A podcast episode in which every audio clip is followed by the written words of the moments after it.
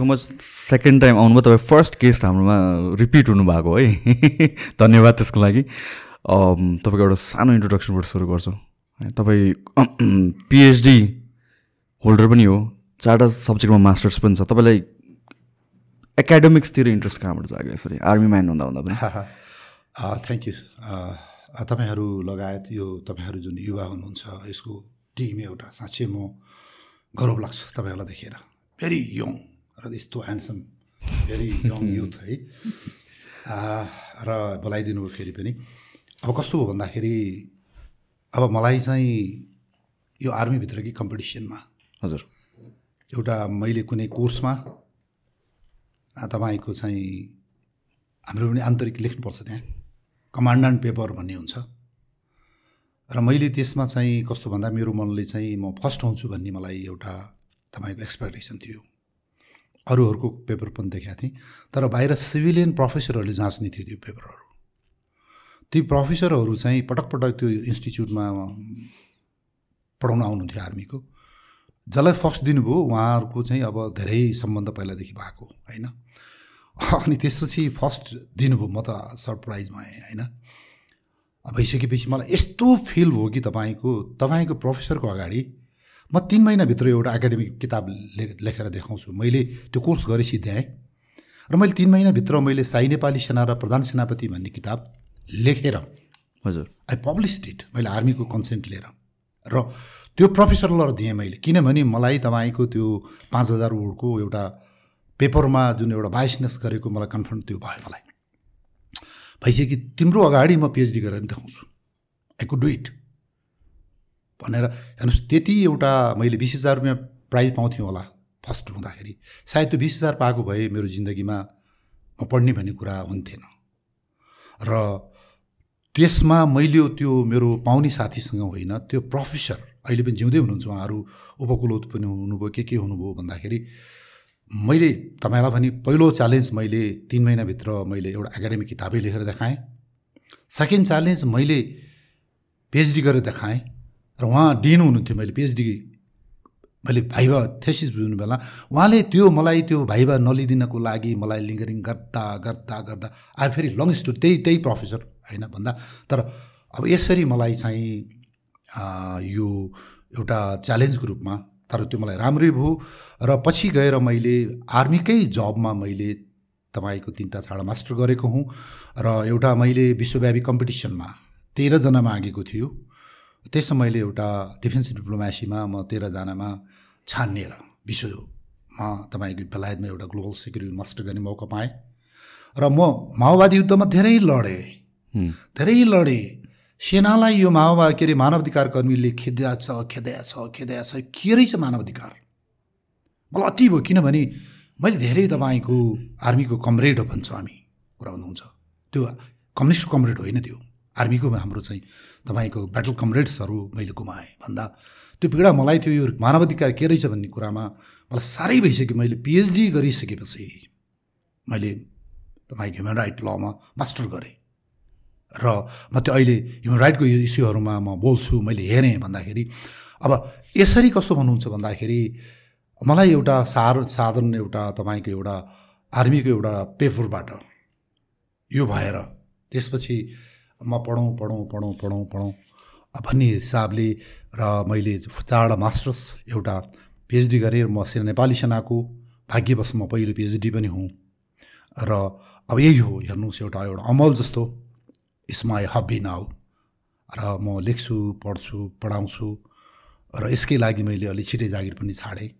यही नै हो मेरो पृष्ठभूमि ब्याकग्राउन्ड के अरे आर्मी वर्कमा भनौँ न एज अ करियरमा यो एकाडेमिक्सले कतिको इम्पोर्टेन्ट रोल प्ले गर्छ? छैन। छैन खासै त्यसो डिरेक्ट अब मिनिमम क्वालिफिकेसनको त्यहाँ कुराहरू हुन्छ। त्यसपछि आर्मी ट्रेनिङहरू हुन्छ त्यहाँ। अरू छैन र यो चाहिँ के भन्दाखेरि अब अहिले बिस्तारै पिएचडी गर्न चाहिँ दिएको छ। मलाई त आई वाज फरबिडन हेर्नुहोस् आई हेभ लङ हिस्ट्री तपाईँहरू रुनुहुन्छ। मैले पाएका तपाईँका पीडाहरू अब हेर्नुहोस् यो मेरो पिएचडी मेरो लागि मैले हलाहाल बिख खाएको जस्तो पनि भएको छ मेरो जीवनमा। मेरो बायोग्राफी लेख्ने बेलामा भन्ने छु। मैले कति मेरो प्रमोसन काटिएँ हेर्नुहोस् मैले चार वर्षसम्म त मलाई डक्टर लेख्न निषेध गरेँ पिएचडीको I was forbidden to write it किन केही specific reason no that was jealousy of the first chap कुरा भन्नुहुन्छ। भन्दा अब यसको कुरा लामो छ। तर जे भयो मेरो भगवान्ले भन्छ जे हुँदो राम्रैको लागि हुन्छ भन्दा त्यहाँभित्र तपाईँको कुनै पनि पोइन्ट्सहरू छैन। यो गल्ती हो। यो कस्तो भन्दा नेपाली सेना अब अहिले विश्वव्यापी तपाईँको चाहिँ भाग लिने संस्था भइसक्यो। र के हुन्छ भन्दा अब हरेक कुरामा तपाईँको तकमाको पोइन्ट गाउने ऊ गर्ने त्यो गर्ने प्रमोसन सिस्टममा अरू मन्त्रालयको सरह हुन्छ भने यदि अरू मन्त्रालयले तपाईँको एकाडेमिक क्वालिफिकेसनको प्लस दि पोइन्टहरू दिन्छ भने हो। त्यो सरह चाहिँ दिनुपर्छ। गर्नेहरूले गर्छन् नि। त्यस्तो त्यो भनेर तपाईँ पिएचडी गर्ने भएर अथवा एमए गर्ने भएर तपाईँले बन्दुक छोडेर तालिम छोडेर गर्न जाने त होइन नि। मैले एक सेकेन्ड मैले बिदा ल्याएको छैन एक सेकेन्ड। मैले आजसम्म जति किताब लेखेँ मैले एक सेकेन्ड बिदा ल्याएको छैन। हो मलाई बिलायतमा म त्यो विश्वव्यापी कम्पिटिसनमा म जाँदाखेरि मलाई तालिमको रूपबाट पठाइएको थियो। त्यो पनि बिदा होइन भन्दाखेरि अब आर्मीभित्र अब अहिले भ्यालु भयो। साँच्चै भन्दाखेरि मलाई गौरव किन लाग्छ भन्नुहुन्छ भन्दा मैले धेरै सङ्घर्ष गरेर मेरो तपाईँको धेरै अपर्च्युनिटी गुमाएर मैले त तपाईँको प्रधान सेनापतिको कार्यालयमा च्यालेन्ज गरेर मैले रात दरबारमा च्यालेन्ज गरेर मैले पिएचडी मैले लिएँ। हेर्नुहोस् सैनिक इतिहासमा अरू देशमा भएको भए मलाई तपाईँको सायद पूजा गर्थ्यो होला। तर मलाई जुन पीडा दियो हेर्नुहोस् मेरा प्रमोसन काटिए। मलाई रात दरबारमा बोलाएर त्यतिखेरको सैनिक सचिवले प्रमुख सैनिक सचिवले महासरकारको हुकुम छ जागिर छोड। युआर अब कस्तो नराम्रोसँग। गो एन्ड बिकम प्रोफेसर तिमी जस्तो पढाए मान्छे कहाँ छ? महासरकार हुकुम छ जागिर छोड। मेरा प्रमोसन काटिए थुप्रै।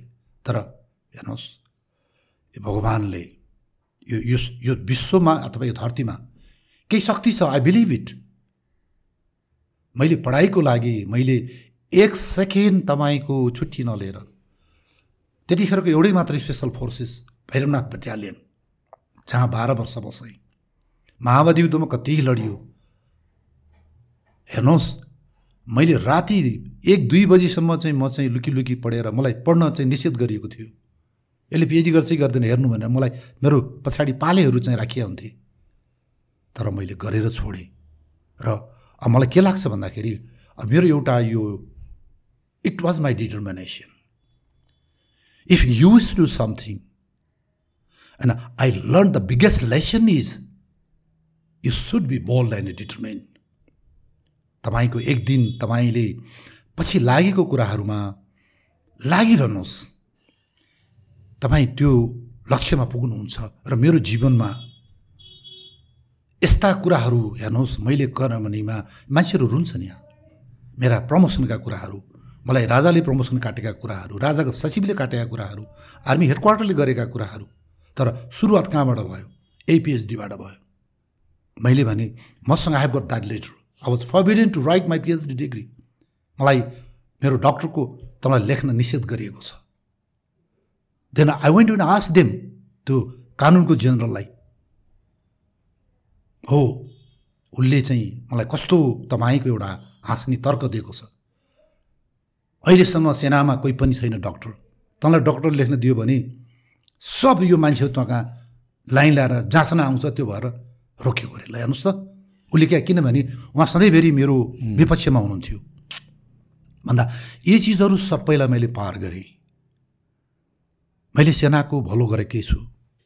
म सेनाको तपाईँको पक्षमा बोल्छु। तर गल्ती गऱ्यो भने पनि म कसैलाई छोड्दिनँ? म राजालाई पनि छोड्दिनँ। सेनालाई पनि किन छोड्ने? भन्दा तर के भन्दा I love Nepalese army I love my country कुरा बुझ्नु बुझ्नुहुन्न भन्दाखेरि म सधैँभरि सत्य बोल्छु। म तपाईँको गीता छोएर बोल्छु। मेरो स्वर्गीय मातापिता छोएर बोल्छु। जहिले पनि मेरो आत्माले मलाई झुट्टो बोल्न नपरोस्। कसैको एक पैसा खान नपरोस्। मेरो ब्रह्मले मेरो हरिले देखेका कुराहरू म गर्छु। म बोल्छु र अब मेरा पिएचडीका कहानी मेरा पढाइका कहानी ले म कति कहाँ पुगेँ भन्ने कुरा अब भनौँ न मैले कति पीडा बोक्नु पऱ्यो भन्ने कुरा आई राइट माई हिस्ट्री र त्यो जसले मलाई पीडा दिएको छ म सबैको फोटो र नाम समेत राख्नेछु। ती नमर्दै कुरा भन्नुहुन्छ भन्दा तर आइएम हियर टुडे त्यो व्यक्तिहरू मलाई देख्यो भने भागेर हुनुहुन्छ अहिले उहाँहरू। भन्दाखेरि तर यति भन्छु आम भाइ बहिनीहरू विशेष गरेर। तपाईँहरू सफल हुन सक्नुहुन्छ। सधैँभरि पैसाको पछाडिको कुरा नगर्नुहोस्। शक्तिको पावरको पछाडि कुरा नगर्नुहोस्। डु इट हेर्नुहोस्।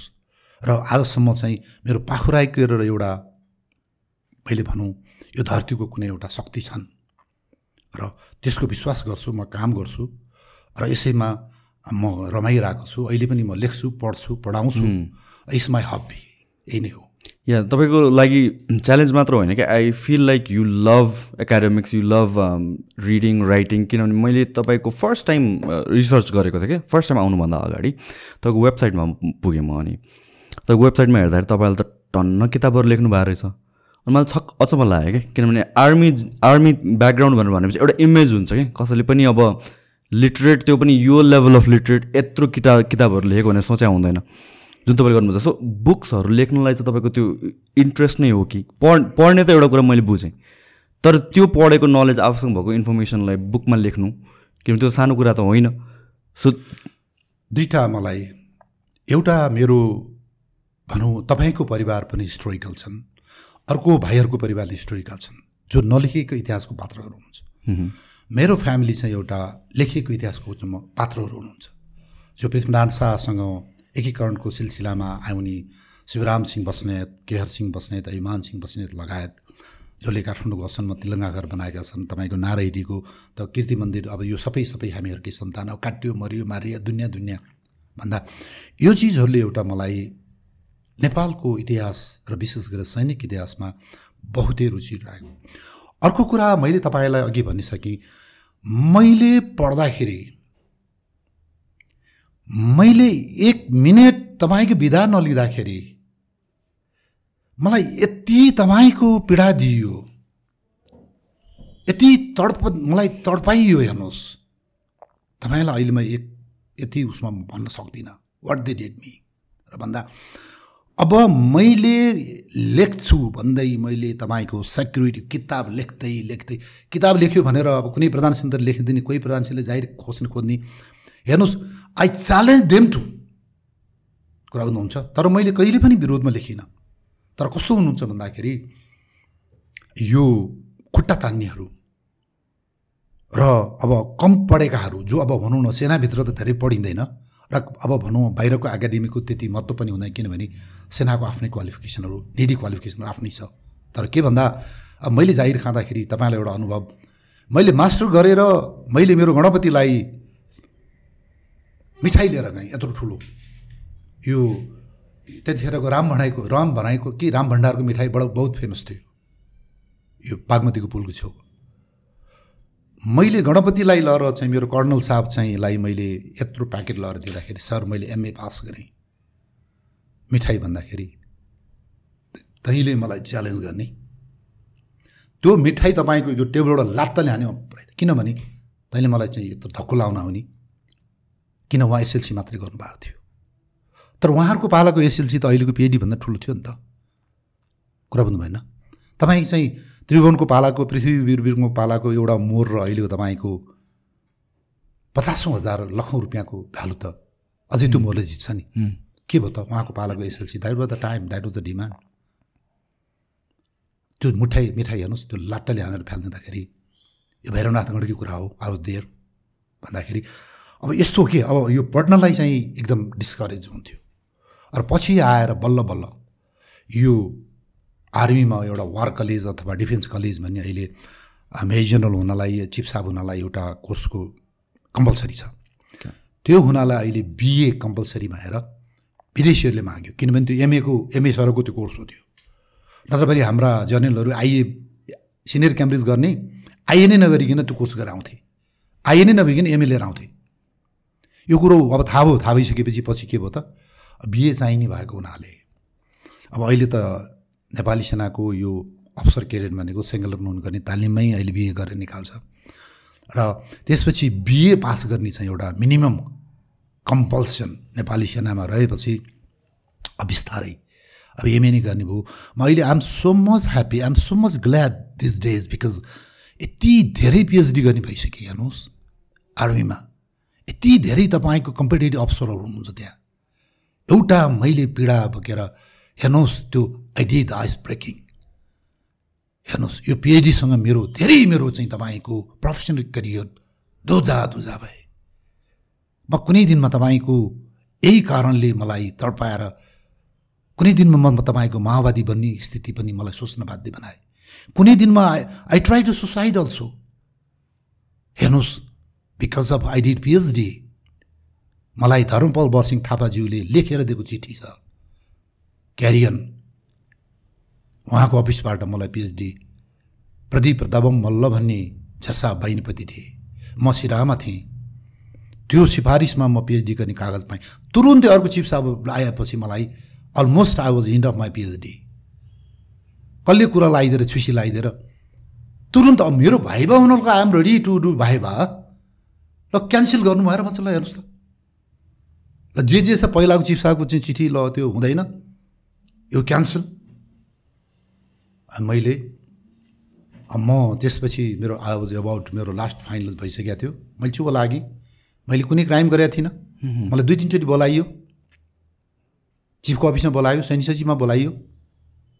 आई इग्नोर देयर अर्डर किन भन्दाखेरि त्योभन्दा अगाडिको प्रधान सेनापतिको मैले ल्याएको छु त at that letter there that is institution प्रधान सेनापति इज द इन्स्टिट्युसन नट त पर्सनल तपाईँको त्यो होइन नि त त्यो कसैको चाहिँ बापति त होइन नि त्यो अनि त्यसपछि मैले भाइबा दिएँ त्यो भाइबा दिने बेलामा पनि मैले भने त्यो प्रोफेसर जसले मलाई त्यो बिस हजारको लेखको जाँच्ने बेलामा पनि उसले मलाई बायस गरेको मेरो अनुभूति भयो त्यही वाज देयर डिन उसले मलाई यति लिङ्गरिङ गर्यो यति लिङ्गरिङ गरे उसले चाहिँ मलाई के मन नपराएर हेर्नुहोस् यसको लामो कहानी छ हेर्नुहोस् त्यहाँ माथि सेनामा कसले नपढ्ने सेना भएर म सेनाको त पहिलो हुने भएँ।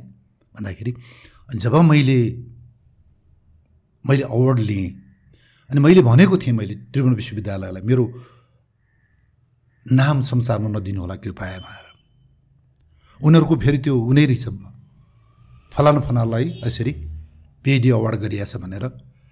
त्यसपछि फोटोसोटो छाप्दै हेर्नु गोर्खापत्रमा कता कता फोटो आयो त्यसपछि त मलाई फेरि बोलाएर होइन ठिङ्गुराएर त्यसपछि चिठी बुझाएर अब तपाईँलाई चाहिँ अब पिएचडीमा डक्टर लेख्नलाई निषेध गरेको चिठी राखिरहेको छु नि मैले। भोलि म लेख्छु नि त। अहिले पनि छ। होइन मसँग छ नि त होइन। भन्दाखेरि तर कसैले त यो चिज गर्नै पर्ने रहेछ हेर्नुहोस्। हो। साथी मैले नगरेको भए अहिले मभन्दा पछिका मभन्दा पछि चार वर्षपछि दुईवटा एउटा इन् दुईवटा इन्जिनियरले पिएचडी गरेर आए एउटा जापानबाट एउटा जर्मनीबाट। उनीहरूले के गर्यो त्यसपछि हामी सर्वोच्चमा जान्छु भने उनीहरूले। त्यो त that was not promotion that is your inherent right and it's universal culture you can stop it it was not तपाईँको matter of your promotion in of the army हेर्नुहोस्।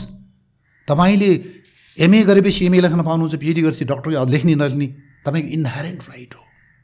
It's not the army it's not the तपाईँको सर्वोच्च अदालत तपाईँलाई निश्चित गर्नलाई। हेर्नुहोस् कति अत्याचार हुन्छ। चार वर्षसम्म अनि उनीहरूले आएर उनीहरू प्राविधिकहरू थियो। एउटाले जाइ छोड्नु भइसक्यो इन्जिनियर साहब एउटा हुनुहुन्छ जस्तो लाग्छ मलाई। अनि उनीहरूले सर्वोच्चमा हाल्छु भनेपछि अनि त्यही जर्नल थियो मलाई रोक्ने जर्नल। अहिले के गरिन्छ? अनि त्यो डक्टर लेख्न निषेध भनेर अनि अब अहिले जस्तो राम डक्टर रामबहादुर खत्री पिएचडी दुइटै एउटा टाइटल दुईतिर लेख्न लाग्छ अहिले आर्मीले मेरो कारणले गर्दा। तपाईँले बुझ्नुहुन्छ? कि डक्टरले डक्टर लेख्दै संसारमा तपाईँको पिएचडीले डक्टर लेख्दै लेख्दैन? तपाईँको अलमोस्ट मुलुकहरूमा डक्टर भनेको मेडिकल डक्टर हो एमबिबिएस डक्टरहरू एमडी गरेको। इट्स नट द पिएचडी उनीहरूले के लेख्दा पिएचडी लेख्छ। तर हाम्रो जस्तो यो अब साउथ एसिया यो मुलुकमा ए प्राध्यापक डाक्टर के के के हुन्छ नि हुने भएदेखि अब के के गर्छ यिनीहरूले? अ सेम्पल मैले भन्दाखेरि लेख्दैन भन्दा अहिले आर्मीले कि रामबहादुर डक्टर रामबहादुर खत्री मात्र लेख्नुपर्छ। कि रामबहादुर खत्री पिएचडी मात्र लेख्नुपर्छ? मेरो कारणले त्यो जर्नलले कानुनको जर्नलले त्यसलाई बाध्य भएर पछि अहिले दुईवटा हेर्नुहोस्। अब अब म हाइटीमा थिएँ I was contingent commander there त्यहाँ जाने मध्येको सबभन्दा ज्येष्ठ अफसर भएको हुनाले हाइटीको शान्ति सेनामा हेटी भन्छ उता। हामी हाइटी भन्छौँ। मेरो त्यहाँ त्यो ले lieutenant lieutenant colonel lieutenant colonel doctor Prem Singh बस्ने त पिएचडी लेख्नु पऱ्यो। यो के हो यो तेरो? अब त्यहाँ मलाई सोधनी भयो त्यहाँ युएनको पोस्टमा यो त मेरो देशको बाध्यता। कसरी हुन्छ बाध्यता? अब त्यहाँ हेर्नुहोस् त्यो एउटा फर्मल प्रोग्राममा किन भन्दाखेरि हाम्रा पढ्नलाई तपाईँको नपढ्नेहरू जुन छ नि जुन यिनीहरूले जसरी यो गरे यो मलाई अहिले पनि मलाई हाँस उठ्छ। अब आई होप अब यो सुन्ला आर्मीले अब के गरिरहेको छ अहिले मलाई थाहा छैन भन्दाखेरि मैले एउटा दासत्व मुक्त हुनलाई। एउटा हुन्छ नि तपाईँ दासबाट मुक्त लिनलाई मुक्ति लिनलाई जति सङ्घर्ष गर्नु पऱ्यो नेपाली सेनाको माबाट पहिलो पिएचडी हुनलाई मैले पहिलो हुनलाई गरे होइन मैले। मैले पिएचडी गर्नलाई मैले डक्टर नाम लेख्नलाई हेर्नुहोस्। मैले कति मैले रक्तको आँसु बगाउनु पऱ्यो। यो पढे लेखेकोलाई चाहिँ माओवादीमा हालिदिनु उहीँ लेख्छ डक्टर त्यतिखेरका अनि मलाई हालेछ हालेछ। डाक्टर साहबलाई माओवादी युद्धमा डक्टर हुन पठाउनु। खालि तपाईँको मलाई त्यहाँ मरोसमा आएर त्यही बिचमा फेरि म बेलायतमा त्यो उसमा छान्ने फेरि तपाईँको तेह्रजनामा। संसारभरिमा हेर्नुहोस्। कुरा बुझ्नुहुन्छ? आइ मैले इक्जाम दिएँ। त्यतिखेर पहिलाचोटि म पहिलो हुँ त्यतिखेर जाने पनि त्यहाँको उसमा। भन्दाखेरि अब यो चिजहरू कस्तो रहेछ भन्नुहुन्छ भन्दाखेरि म इन्टेलिजेन्ट विद्वानमा केही पनि होइन। आइएम हार्ड वर्कियर र तपाईँको चाहिँ के भन्नुहुन्छ भन्दा अर्को कुरा मलाई पिएचडी गरेर डक्टर लेखेर मलाई केही पनि अहिलेसम्म स्टिल म अहिले पनि म बालवाला सैनिक हुँ। म अहिले सैनिक अनुशासन बस्नुपर्छ। अहिले पनि मेरो देश र नरेश भन्थ्यो त्यतिखेर अहिले नरेश हामीले खायौँ मेरो देश छ। अनि मलाई भन्छन् अरूले त पिएचडी गरेको मान्छे के बोल्ने के शब्द मिलाएर के को शब्द मिलाउने? तपाईँले सम्मानित काम गर्छु भने म तपाईँलाई सम्मान्य नै भन्छु मान्य नै भन्छु। तपाईँले चोरी काम गर्नुहुन्छ वाइ आई सुड तपाईँलाई चोर भने मैले चोरै भन्नुपर्छ। मेरो विद्याले मलाई चाहिँ श्राप छ तपाईँको। मेरो देश डुब्न लागिसक्यो अनि म डक्टर साहब भएर म नरम बोलेर म डिप्लोमेटिक भएर भइन् मलाई मतलब छैन यो पिएचडीको मलाई मतलब छ still I am serving soldier I feel like this कुरा भन्नुहुन्छ। र म अहिले पनि भनौँ न म तपाईँहरूले देख्नुहुन्छ यो मूर्ख गुन्डा अनपढ जस्तो हो मेरो देशको लागि। मेरो कसैको तपाईँको चित्त तपाईँको दुखाउँछन् भनेदेखि म जे गर्न पनि तयार छु। त्यसको भने मतलब मान्छे मार्छु भने होइन कुरा भन्नुहुन्छ। भन्दाखेरि त्यो भएको हुनाले म अलि भिन्दै खालको पिएचडी डक्टर हुँ पिएचडीवाला हुँ। भन्दा अब यी चिजहरू भए अब हेर्नुहोस् यस्तै रहेछ एउटा तपाईँको एउटा evolution of your zeal I could say it's my evolution of my zeal and keep on trying तपाईँले उद्देश्य के लिनु उडिसन रहेको होइन? मैले धेरै कुरामा म त उदाहरण दिन सक्छु मेरो लाइफमा कुरा भन्नुहुन्छ भन्दाखेरि अब यो चाहिँ मैले तपाईँहरू जस्तो युवाहरूलाई एउटा प्रेरणा होस्। मैले भने म सुपरम्यान होइन। म आकाशको तारकशाली मान्छे होइन। आइएम कमन पिपल हेर्नुहोस् त्यो भएको हुनाले यति समय मैले अहिले भने यो मेरो उसमा। So one of the interest तपाईँको एकदमै भनेको चाहिँ आर्मी हिस्ट्री र वारको कुराहरू। हामीले आज चाहिँ एङ्ग्लो नेपाल वारको बारेमा डिस्कस गरौँ भनेर प्लान गरेको थियौँ। This is like a very important war for our country र जसले हाम्रो देशको जोग्राफी नै चेन्ज गर्यो। कतिजनालाई यसको बारेमा हिस्ट्री थाहा छैन। मैले पनि पहिला स्कुलको बेसिसमा पढ्ने हो भने चाहिँ कहाँ कहाँ मिसइन्फर्मेसन अलिक बेसी छ अलिक फिल्टर्ड छ यसको बारेमा हामीले पढेको कुराहरू। नेपालमा यो वार हुँदाखेरि हामी जितेको मात्र कुराहरू छ। हामी हारेर ट्रिटी गर्नु परेको कुराहरू छैन। र यो एभ्रिथिङको बेस के छ किन सुरु भएको त्यो राम्ररी क्ल्यारिफाइड छैन क्या। सो यो एङ्ग्लो नेपाल वार हाम्रो अहिले जुन स्टेटमा छौँ हामीहरू त्यसको लागि कतिको सिग्निफिकेन्ट छ? कसरी सुरु भयो? के को कारणले सुरु भयो? तपाईँलाई धन्यवाद। म आम दर्शकहरूलाई एउटा कुरा के म फेरि पनि म अनुरोध गर्छु भने म ब्ल्याक एन्ड व्हाइटमा मात्रै म बोल्छु। मसँग ग्रे कुरा म बोल्ने छैन भने मतलब म अनि पनि तनी छैन मैले हारेको कुरालाई हारे भन्छु जितेको कुरालाई जिते भन्छु। र मलाई फेब्रिकेसनको मतलब छैन। कुरा भन्नुहुन्छ भन्दा हो सुरुमा मैले भने नेपाल अङ्ग्रेज युद्धमा नेपाली सेनाले जिउ ज्यान तन मन सबै दिएर लड्यो धेरै मरे। तर लडाइँ हारियो। हामीले आधीभन्दा बढी भूभाग हामीले गुमायौँ। यहाँको इतिहासकारहरूले वान थर्ड भनेका छन् तर दक्षिणमा हाम्रो सिमाना यिनीहरूलाई थाहा नै छैन। दक्षिणमा पनि त हो नि हो हो। तपाईँको धेरै डकुमेन्टहरू मैले पाएको छु। गोरखपुर पुग्न जम्मा छ कोसको बाटो छ हाम्रो सिमाना। हाम्रो इन्टरनेसनल बााउन्ड्रीबाट गोरखपुर भनेको कहाँ छ हेर्नुहोस्। त्यहाँ पुग्न छ कोस। डेढ दिनको बाटो। सरकारी सरकारी बा तपाईँको त्यो हुन्छ नि उतिखेरको एक दिनको चार कोस हुन्थ्यो। एक दिन र एक बिहानको बाटो थियो हेर्नुहोस्। अब यसमा हामीले खो खोतलास गरेकै छैनौँ। ब्रिटिसले जे लेखिदियो हामी त्यही सारेका छौँ। अब मैले तपाईँको प्रश्नतिर फर्केँ। यसको पृष्ठभूमि त्यो जमाना भनेको ठुलो माछाले सानो माछा खाने जमाना हो संसारभरि। अब नेपालमा पनि एउटा गोर्खा एउटा सानो माछा थियो। सानो माछाको रूपै लिएको थियो नि त्यसले। बिस्तारै त्यहाँका राजा बडा पृथ्वीनारायण शाहले उनी माछा बन्दै बन्दै बन्दै गरेर ठुला माछा भएर नेपालमा रहेका थुप्रै साना माछाहरूलाई खाएर अलमोस्ट अहिलेको आदि नेपाल उहाँले निर्माण गर्नुभयो। यो वाज द फाउन्डर तपाईँको एउटा फादर कुरा भन्नुहुन्छ। अब अहिले हामी जति नै नुन काँडे गुण काँडा गरे पनि हेर्नुहोस् तत्कालीन गोर्खा राजवंशले त यहाँ नेपालको तपाईँलाई धरती दिएको छ धेरै चिज दिएर गएको छन् नि त। छन् मल्लहरूले धेरै कुरा गरेका छन्। तपाईँको प्रताप मल्लको कुरा भूपतेन्द्र मल्लको कुरा जयप्रकाश मल्ल यिनीहरू यस्ता वीर राजाहरू थिए। हेर्नुहोस् खोइ त किन प्रसारण गर्दैनन्? इतिहासकार किन बोल्दैनन्? प्रताप मल्लको बारेमा त्यत्रो तपाईँको चाहिँ रानी पोखरी बनाउने ऊ त कति बाह्र चौध भाषाको ज्ञाता। उहाँले चाहिँ हनुमान ढोकाभित्र खडा गरेका त्यहाँ ठुल्ठुला ढुङ्गाका खम्बाहरूमा के चाहिँ लेखेका छैनन् उनले? होइन? Jayaprakash Malla he was the warrior he was the real soldier किन बोल्दैनन्? भन्दा अब कस्तो छ भन्दाखेरि अब यो गोर्खाका मात्रै राजा वीर थिए भन्ने कुरा होइन। हामीले मकवानपुरका तपाईँको सेनहरूले त्यत्रो राज्य खडा गरेको रिवर द वरियर होइन? भन्दा अझ यसरी हामीले इतिहास केलाउनु नि सकेनौँ हामीले प्रचार प्रसार गर्न सकेनौँ। हामी लिटरली अहिले सपोर्ट पनि खालि गोर्खा शाहवंशीको मात्रै गर्छौँ विरोध पनि तिनीहरूको मात्रै गर्छौँ। हामी यति सानो लेनमै हिँडिरहेको छौँ कि नेपालको इतिहासकारहरू विशेष गरेर। अब यो हामीले खोज्नुपर्छ। अब मैले यस्तै गरेँ किनभने संसार पनि ठुलो माछाले सानो माछा खाइरहेको थियो। र विशेष गरेर युरोपियनहरू अहिले ह्युमन राइटको कुरा गर्छ यिनीहरू मान्छे किलर र मान्छे सेलरहरू यिनीहरू थियो। ब्रिटिस डच फ्रेन्च संसारभरि मान्छे मार्ने यिनीहरू मान्छेको व्यापार गर्थे यिनीहरूले। दास दासी राख्थे। त्यत्रो अमेरिका यिनीहरूको दास थियो। भारत दास थियो संसार दास थियो।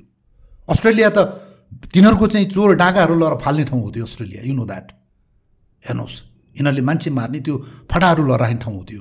दासहरू फाल्ने ठाउँ अस्ट्रेलिया।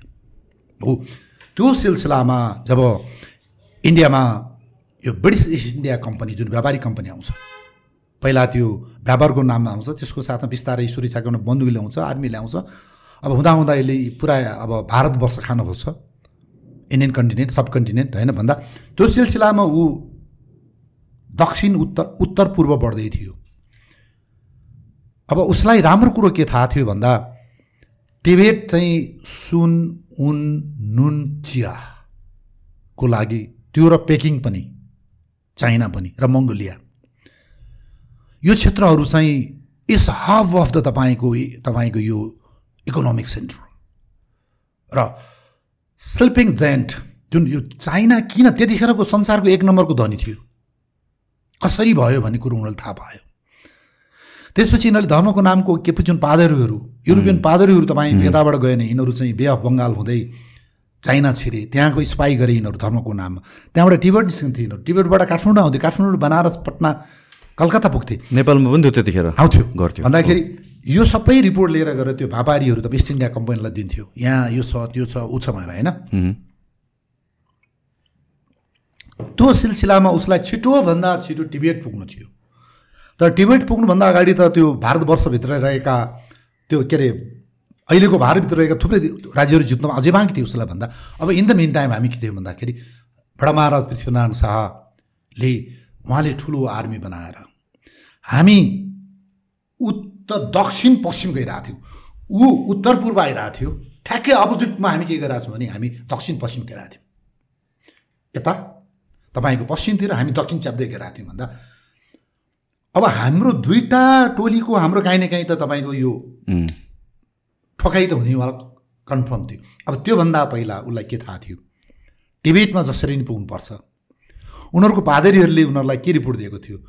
टिबेट पुग्नलाई इन्डियन सब कन्टिनेन्टबाट सबैभन्दा छोटो बाटो। केरुङ एक्सिस केरुङ बोट जो रसुवाबाट जानुपर्छ। कुती भोट जुन बाह्र विषय तातो पानी हुँदै खासाबाट जानुपर्छ। यो दुईवटा बाटो अल वेदर अझै केरुङ त झनै अल वेदर भन्दाखेरि उनीहरूलाई यो बाटो चाहिएको थियो।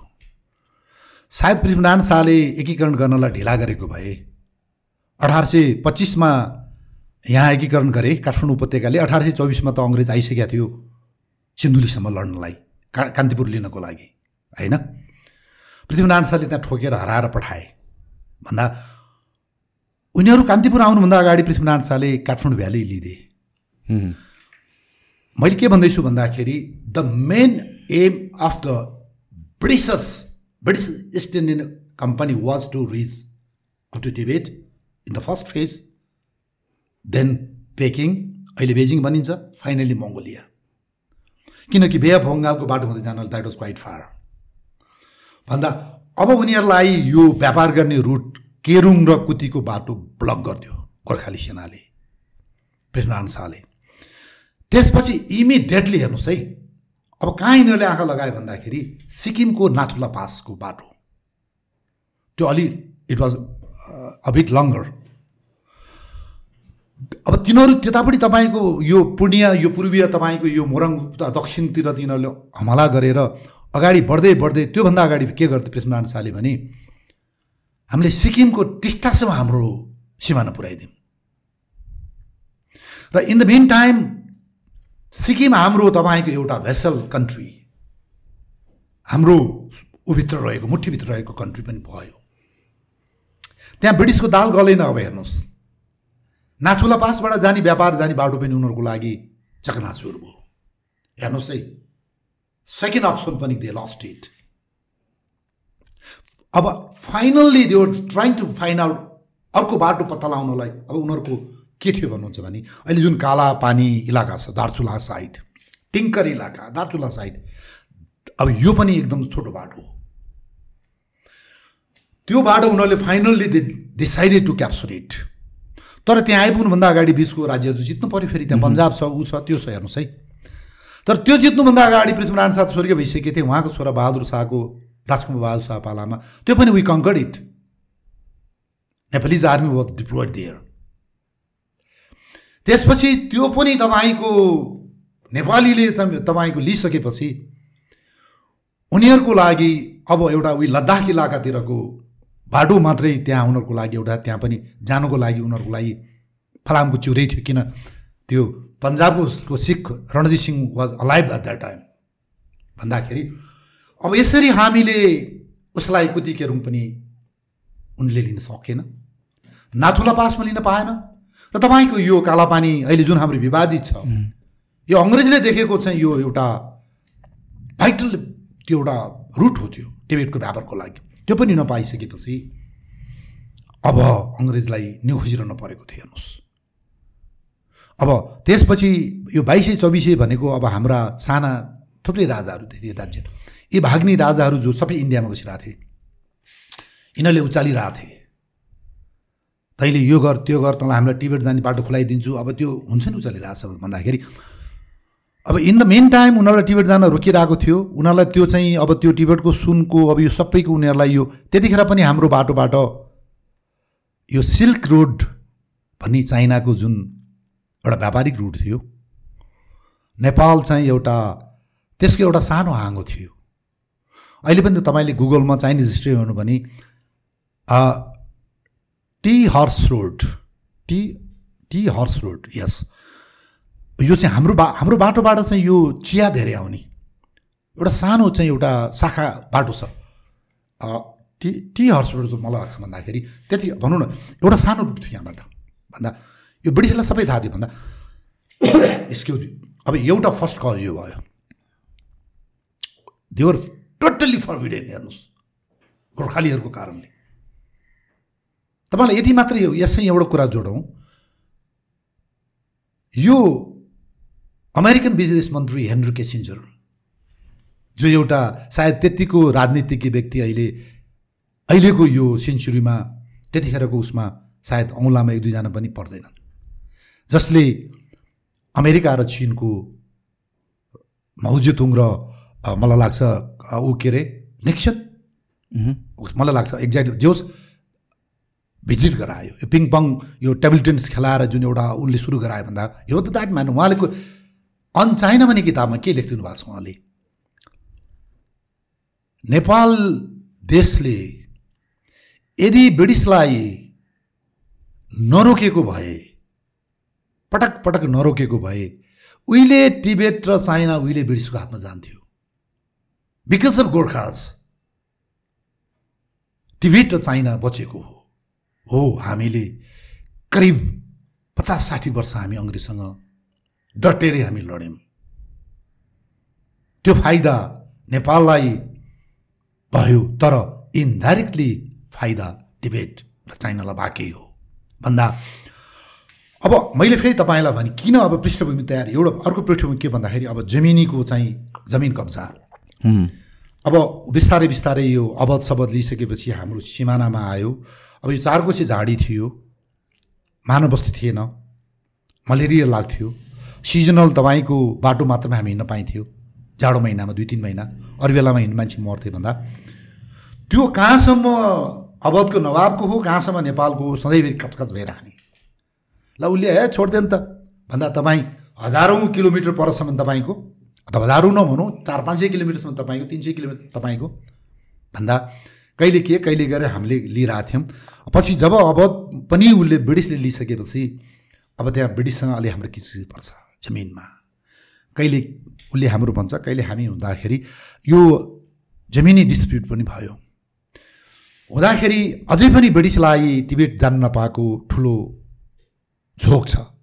त्योभन्दा अगाडि हामीले विक्रमसम्म उन्नाइस सय अठार सय उन्नाइसमा हामीले मुगल बादशाहको फौजलाई हरायौँ। मकवानपुरमा। पृथ्वीनारायण शाह आफै अगाडि नजिक गएर लडेर। नेपालको इतिहासमा तपाईँको चारौँ पाँचौँ शताब्दीदेखि हेर्नुहोस् त्यतिखेरको अवस्थासम्म त्योभन्दा अगाडिसम्म हरेकचोटि तपाईँको मुसलमान फौजले काठमाडौँ उपत्यकामा लुट्ने आउने मार्ने मन्दिर जलाउने अलवेज देवर द भिक्टर सधैँ उनीहरू तपाईँको विजेता थिए। अनि सिजनल आइदियो लुट्ने लैजाने मुसलमानहरूले। They are the same zeal हो त्यसपछि मकवानपुरबाट भा हारेका राजाको साउथ साइडमा आएपछि हामीले त्यतिखेरसम्म गोर्खाली फौज हो अठार सय उन्नाइस विक्रम सम्बन्धमा पृथ्वीनारायण शाहको आदेशमा तपाईँ he conducted the war against the Muslims हो तपाईँको Mughals army they were defeated very badly हेर्नुहोस्। एउटा ब्रिगेड आएको थियो। पहिलो इतिहास पृथ्वीनारायण शाहको पालामा मुगल फौजलाई हरायो। त्यसपछि कहिले फर्केर आउन सकेन। त्यसपछि अर्को चार पाँच वर्षपछि अठार सय चौबिसमा ब्रिटिस आयो। क्याप्टन जर्ज किङलकको चाहिँ नेतृत्वमा। ऊ त तपाईँको गोर्खाली फौज भने त केही पनि होइन। दे आर लाइक एउटा मुसा जस्ता हुनु भनेर उनीहरूले व्याख्या गरेको छ। एक थप्पडमा हामी तिरमिरी पार्समा आएको हो नि त तिनीहरू उहाँबाट। बोलाउनु त हाम्रो कान्तिपुरका अन्तिम राजा जयप्रकाश मल्लले बोलाएर आएका हुन्। उनीहरूको यहाँ आगमन एउटा legally ड्युर here legally their expedition was legal legal के कारणले बोलाएको थियो बोलाउनु चाहिँ? कान्तिपुर यो काठमाडौँ उपत्यका वरिपरि गोर्खाली फौजको ब्लकेट थियो। काठमाडौँ उप- उपत्यका was about to capture by the Gorkha king अब कान्तिपुरको धेरै खोसिसकेको थियो। तपाईँको कुती केरुङबाट आउने सुन उन सबै व्यापार अब गोर्खाले लिइसकेको थियो। एट द्याट टाइम कान्तिपुरको राजाले तपाईँको भक्तपुरको राजालाई मद्दत नगर्ने पाटनको राजाले उसलाई मद्दत नगर्ने पानी बाराबार मह्म। कस्तो हुन्छ हेर्नुहोस् त मान्छेको एउटा विनाशकाली विपरीत बुद्धि। अब त्यस्तो अवस्थामा उहाँलाई के भयो? जयप्रकाश मल्ललाई उहाँको आमा उहाँको विरोधी। उहाँको श्रीमतीले जयप्रकाश मल्ललाई राज्यच्युत गरिदिन् खोज्दिन् उसको प्रधान सेनापतिले उहाँलाई चाहिँ रानीपति लगाएर उसलाई च्युत गराए। भागे तपाईँको पशुपतिमा लुके गुहेश्वरीमा लुके again he recapture his throne होइन? हेर्नुहोस् कस्तो अब अब अब यो इतिहासहरू बोल्दिँदैन हाम्रो इतिहासकारहरूले। काठमाडौँको जनताले तपाईँको भारतहरूले पृथ्वीनारायण शाह आऊ राजा आऊ तपाईँको हाम्रो कान्तिपुर बचाऊ पाटन बचाऊ अहिले जसरी सहरमा देखिन्छ नि व्यक्तिहरूको समूहहरूले राजा आऊ देश बचाऊ त भनिरहेको छन् नि इट्स अ फ्याक्ट नि। होइन र? त्यतिखेर पनि तपाईँको पाटनको जनताले कान्तिपुर जनताले they call up it's a true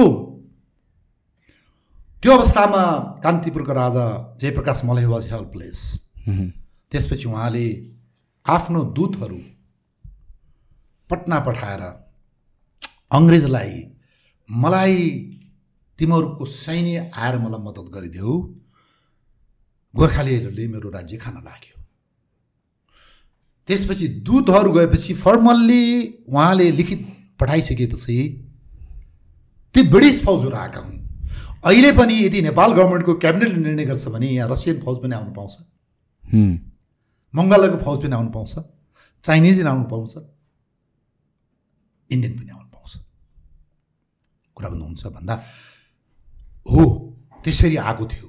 र तर त्यो आएको भए उनीहरूले तपाईँको नेपाल क्याप्चर गर्थ्यो।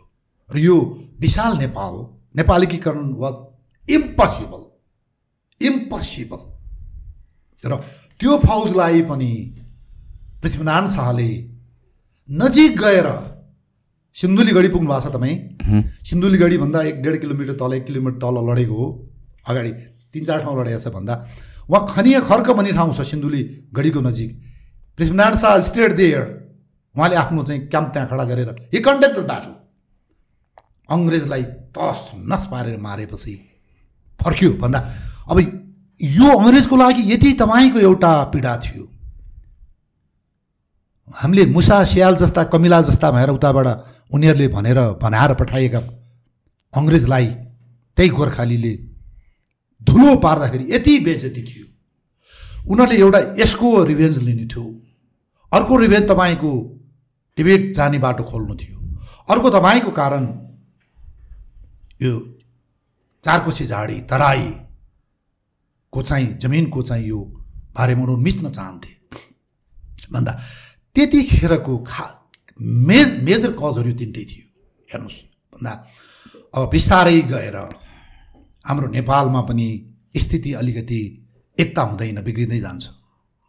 कुरा बुझ्नुहुन्छ भन्दा अब द सिचुएसन वाज राइपेन अब हामी पनि वृहत नेपाल हामी त्यतिखेर काङ्गाडा भनेको कहाँ हो कहाँ हो? म तिन दिनमा गाडीमा पुगेँ भाइ। होइन? टिस्टा टु काङ्गाडा।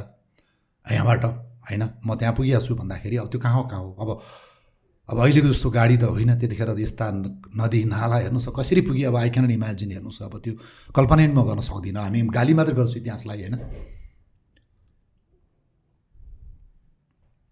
त्यसपछि अब नेपालको एउटा पोलिटिकल प्याराडाइम चेन्ज हुन्छ। राजामा नियन्त्रित शक्ति सेना शक्ति त्यो चाहिँ कहाँ पुग्छ भन्नुहुन्छ भन्दाखेरि डाइरेक्टली अब हाम्रो त्यो त्यतिखेरको कमान्डर इन चिफ भीमसिंह थापाको हातमा पुग्छ। अप्रत्याशित रूपबाट। आकाशबाट खसे जस्तरी आइपुग्छ उहाँलाई। आदेशका लामो इतिहासहरू छ।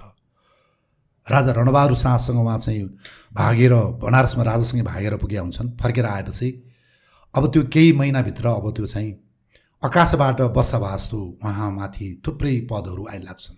शक्ति आइलाग्छन्। त्यसपछि ऊ पनि एउटा देशभक्त एउटा वीरकै सन्तान हो। उसले केही गरेर देखाउँ भन्ने उहाँलाई एउटा उमेद पलाउँछ। तर के थियो भन्दा ऊभन्दा अगाडि नेपालमा धेरै इतिहास बनाइसकेका वंशहरू थिए। धेरै जमाइसकेका वंशहरू थिए। राजा पृथ्वीनारायण शाहले केटी छोरी मागिदिएर तपाईँको बिहा गराइदिए काजी खलगुरी थिए त्यहाँ। दे ह्याड बिग एन्ड तपाईँको डिप हिस्ट्री। तर भीमसेन थापाजी पावरमा आइसकेपछि त्यस्तो इतिहास उहाँसँग भएन। के हुँदो रहेछ भने मान्छेलाई अहिले पनि म हेर्छु। तपाईँले अहिले परारको खान नपाउने चप्पल लाउने मान्छे अहिले कोही कसैलाई समातेर केही बदमासी गरेर तपाईँ दुई वर्षमा अर्बपति हुनुहुन्छ। त्यो अर्बपति भएर तपाईँको घरमा मन्त्री प्रधानमन्त्री सांसद सिडिओ सबै आउँछन्। तैपनि चित्त बुझ्दैन। अब तपाईँलाई के चाहिँदो रहेछ भन्दा मेरो घरमा पनि कोही लपटन भइदियो नि हुन्थ्यो। इन्सपेक्टर भइदियो नि हुन्थ्यो। सेक्सन अफिसर भइदियो नि हुन्थ्यो। अब उसलाई एउटा गभर्मेन्टको एउटा तपाईँको चाहियो। शक्ति चाहियो। यी व्यक्तिहरूले तपाईँको करोडौँ खर्च गरेर लखौँ खर्च गरेर एनी हाउ त्यो पदमा तपाईँ किन्न चाहन्छन्। किनकि त्यो इमिडिएट त्यो अब कहाँको मान्छे अर्बपति भयो? अब तपाईँको तर के उसको नाम राख्नु पऱ्यो अब लप्टनको बाउ डिएसपीको बाउ अथवा उपसचिवको बाउ हुनु मन लाग्यो उसलाई अब त्यो सम्पत्तिले मात्रै पुगेन। हो एक्ज्याक्टली त्यतिखेर पनि के भयो त? भीमसेन थापाजी फर्केर आइसकेपछि हो उहाँको बुवाले पनि सानोतिनो लडाइँमा लड्नु भएको थियो। तर जसरी उहाँमाथि पदहरू वर्षे वर्षिसकेपछि अब उहाँलाई अब ब्रिटिसहरूसँग सिउँरे खेल्ने एउटा मन आउँछ। देशकै लागि हो त्यो। र हाम्रो बुटोल र शिवराज भन्ने अहिले कपिल वस्तुमा पर्छ। त्यो इलाकामा हाम्रो एउटा जमिनको वाद विवाद पर्छ हामी भन्छौँ हाम्रो ऊ भन्छ हाम्रो ब्रिटिसहरू। हाम्रो मेन वार सुरु भयो क्या बुटोलको cause। तपाईँको पृष्ठभूमिमा त मैले भनिसकेँ। तपाईँलाई तिनवटा मेन कज भनिसकेँ मैले। अब त आगो लागि हुनलाई पनि फर्स्ट सुकेको खर परालीमा त आगो लाग्दैन। हो। एउटा सलाइको तपाईँको झिल्का त चाहियो नि। भनिसकेपछि हाम्रो बुटोलको को नजिक बुटोल पनि हाम्रो त्यहाँ प्रब्लम हुँदा हुँदै शिवराज भन्छ अहिले शिवराज शिवराज भन्छ भन्न चाहिँ। त्यहाँ म पुगेको छु। अनि भीमसेन थापा आफू पावरमा आउनु साथ अब इट हेज लङ हिस्ट्री अब त्यो त्यहाँको से दिग्बन्धन सेनलाई लिएर आएर थुनेर मारेर अब यो लामो हुन्छ कुराहरू। उहाँले आफ्नो बाबुलाई जेनरल दिनुभयो भीमसेन थापाले। जेनरल अमरसिंह थापा। इतिहासमा दुईवटा अमरसिंह थापा छन्। एउटा काजी बडा काजी अमरसिंह थापा। हे नेभर बिकेम अ जेनरल जो चाहिँ तपाईँको टिस्टा काँगडा उहाँ काठमाडौँको अठार सय पच्चिसबाट अठार सय एकहत्तरसम्मको लडाइँमा हि वाज देयर मैले तपाईँलाई विक्रमसम्मत कुरा गर्दैछु। अठार सय पच्चिसमा कान्तिपुरको हमलामा I think ages he was fourteen years old I am not pretty much sure but from that तपाईँको Teesta to Kangra then after he fought against Britishers हेर्नुहोस् मैले तपाईँलाई भने पच्चिसदेखि एकहत्तर त्रिहत्तरसम्म लड्ने he was the hero he was the बडा काजी अमरसिंह थापा. नेक्स्ट वाज अमरसिंह थापा छोटा काजी थिए तर later on he became general provided by his son होइन भनेपछि अब उहाँ गइसकेपछि उहाँलाई अब उहाँको भीमसिंह थापाले त्यो जमिन जसरी पनि लिनु भन्ने आदेश हुन्छ। अनि उहाँले त्यो ब्रिटिसको पालेहरूलाई लखड्नुहुन्छ आफ्नो पालेलाई राखिन्छ नेपाली फौजहरू। त्यसको केही हप्तामा फेरि ब्रिटिसहरूले फौज पठाउँछ। यो हाम्रै हो। तिमीहरूले कमाएर खाएको हो। हाम्रो फौजले धपाउँछ त्यसबाट। हाम्रो फौज आउँछन्। फेरि ब्रिटिसहरूको त्यो अब ब्रिटिस भन्नाले खैरै नै आउनु त होइन अब तिनीहरूको उखाने स्थानीयहरू। नेपाली लोकलहरू नै। होइन ब्रिटिस हाम्रो होइन हाम्रो त नेपाली सेना गरेर बसेको थियो। ब्रिटिसको तर्फबाट उनीहरूको लोकल मान्छेहरू सेनामा भर्न भएको थियो। अब सेके अब त्यसपछि ब्रिटिसले फेरि हामीलाई अखडेर आफ्नै राख्यो। यो कुरा फेरि अब अमरसिंह थापाले भीमसिंह थापालाई लेखेर पठाउँछ छोरालाई। At any cost push them back भनेपछि अब ठुलो फौज लिएर Amarsingh Thapa himself. You went to the Terai area Palpa तानसेनबाट र त्यो शिवराजमा रहेका ब्रिटिसका पालेहरूलाई बल प्रयोग गरेर करिब हामी अठारजना मारिदिन्छौँ हामीले। कुरा बुझ्नुहुन्छ? मारिसकेपछिको it was the triggering of Anglo Nepal war. तपाईँले बुझ्नु भएन कुरा? सिचुएसन वाज राइपेन कहाँबाट केबाट होला होला तर अब हामीले टाइम बाई गरेका थियौँ गरेका थियौँ भन्दाखेरि अब त्यो इन्सिडेन्ट भइसकेको पछिको स्थितिमा there were no excuses for Nepalese from East India company अब हामीलाई उनीहरूले एक्सक्युज दिने ठाउँै रहेन हेर्नुहोस्। अब यहाँनिर के हुन्छ भन्दाखेरि मैले भने म झुट कुरा बोल्दिनँ। र एउटा कुरा म तपाईँलाई को मार्फत एउटा म च्यालेन्जलाई नेपालीमा के भन्छु कुनै म थाहा छैन। कुरा नि म भन्छु कि मैले जति तपाईँको टिस्टा काँगडा बेलायतको तपाईँको लाइब्रेरी लडेर तपाईँको वार उहरू गरेर इतिहास लेख्ने लेखकहरू सायद आई कुड च्यालेन्ज इट। कुन ठाउँमा कसरी लडाइँ भयो त्यो कुरा मैले एकै ठाउँ गरेर मैले हेरेको छु। Today also I could feel it त्यो जमिनले कसरी लडाइदिन्छ भन्ने कुरा। म त एउटा सिपाही हो। र जुन अहिले अब एउटा जमानामा हामीलाई हाम्रो देशको माटै राष्ट्रवादी सिस्नो राष्ट्रवादी यहाँको अरिङ्गाल राष्ट्रवादी गोरु भैँसीको सिंह राष्ट्रवादी बनाएर हाम्रो इतिहास लेखिया छ। नेपाल अङ्ग्रेज युद्धमा। हो हामीले अङ्ग्रेजलाई यो इन्सिडेन्टमा हो। धेरै हाम्रै सही कुरा हो उसको गल्ती हो भने हाँसौँ यसमा। पृष्ठभूमि के थियो? अङ्ग्रेजको गल्ती थियो होला। हाम्रो नि गल्ती थियो होला। Who trigger it first time तपाईँको त्यो त्यो त्यो त्यो कारबाही गर्नुभन्दा अगाडि मैले तपाईँको जैसी कोठा भन्ने पुरानो जैसी कोठा भनेको मल्लकालको पृथ्वीनारायण शाह राणाकालको परराष्ट्र मन्त्रालय हो त्यो। त्यहाँको डकुमेन्टहरू मैले डेढ वर्ष अध्ययन गरेको छु रक्षा मन्त्रालयको प्रतिनिधि भएर। मैले देखेको छु त्यहाँ। अङ्ग्रेजले पनि त्यो विषयहरूमा वाद विवादबाट भन्दा पनि एउटा के समिति गठन गरेर हामी यो कुरा टुङ्ग्यौँ भन्दै छ। त्यो त्यो प्रायरली भीमसेन थापा पावर आउँदैको कुरा भर्खरै। इग्नोर द्याट कुरा भन्नुहुन्छ हो भीमसेन थापाले जे गरे उनका बाजे उनका बाउ नेपालीहरूको एउटा ब्रेभरीको तपाईँको एउटा त्यो चम्काउलाई टिकाउनको लागि देखाउनको लागि गरेका हुन्। तर उनीले कहिले पनि तपाईँको पाँचजना सिपाही लिएर कहिले लडेका थिएनन्। उहाँलाई लडाइँ भनेको कुरा एउटा अब अहिले त सिनेमामा हेर्न पाइन्छ त्यतिखेर त रामायण महाभारत मात्र उनले पढेका थिए। He never fought he never led एक सेक्सन पनि। But he became general he became commander in chief हो अब हेर्नुहोस् मान्छे पढेर र पढेर डक्टर हुने कुरो फरक रहेछ। हामी कति तपाईँको यो मेडिकलमा पनि पढेर काम गरेका डक्टर कति छन् मेडिकलकाहरू? They could do better than त्यो एमबिबिएस एमडी भन्दा त्यतिखेर अब जुन अब भीमसेन थापाको एउटा हतारोले त्यो हान्यो हानिसकेपछि र अब हाम्रो लडाइँ भयो दे डिक्लेयर होइन? अब म यहाँ तपाईँलाई के भन्दैछु भन्दा एउटा कालखण्डमा हाम्रो इतिहास यसरी लेखियो हाम्रा कविहरूले कविता हाम्रो आङ जिरिङ जिरिङ जिरिङ हुने गरेर हामीले लेख्यो। हामीले निबन्ध त्यसरी लेख्यो नाटक त तपाईँका अहिले तरवार लिएर चाहिँ काट्न जाउँ भनेर लेखियो। त्यही नाटक र तपाईँका कविता कथालाई हामीले इतिहास बनायौँ। हो। बिकज तपाईँको ओरिजिनल डकुमेन्ट प्राय ब्रिटिसको लाइब्रेरी लन्डनमा छन्। कलकत्ता कलकत्ता लाइब्रेरीमा छन् अक्सफोर्ड युनिभर्सिटीमा छन्। केही हामीसँग त्यो पनि लुकाएर राखिएको छ। सुनिजानेको तपाईँको यही नाटक उसमा चाहिँ हामी त्यसलाई वी इन्सर्टेड एज हिस्ट्री अब के लेख्यो? पहिलो अङ्ग्रेजसँगको युद्धमा सिन्धुलीगढको युद्धमा हामीले बारुला र बछ्यौका गोला फुटाएर अङ्ग्रेजलाई लखटम लगायौँ। हामीले पढाइ पनि बच्चामा त्यही नै.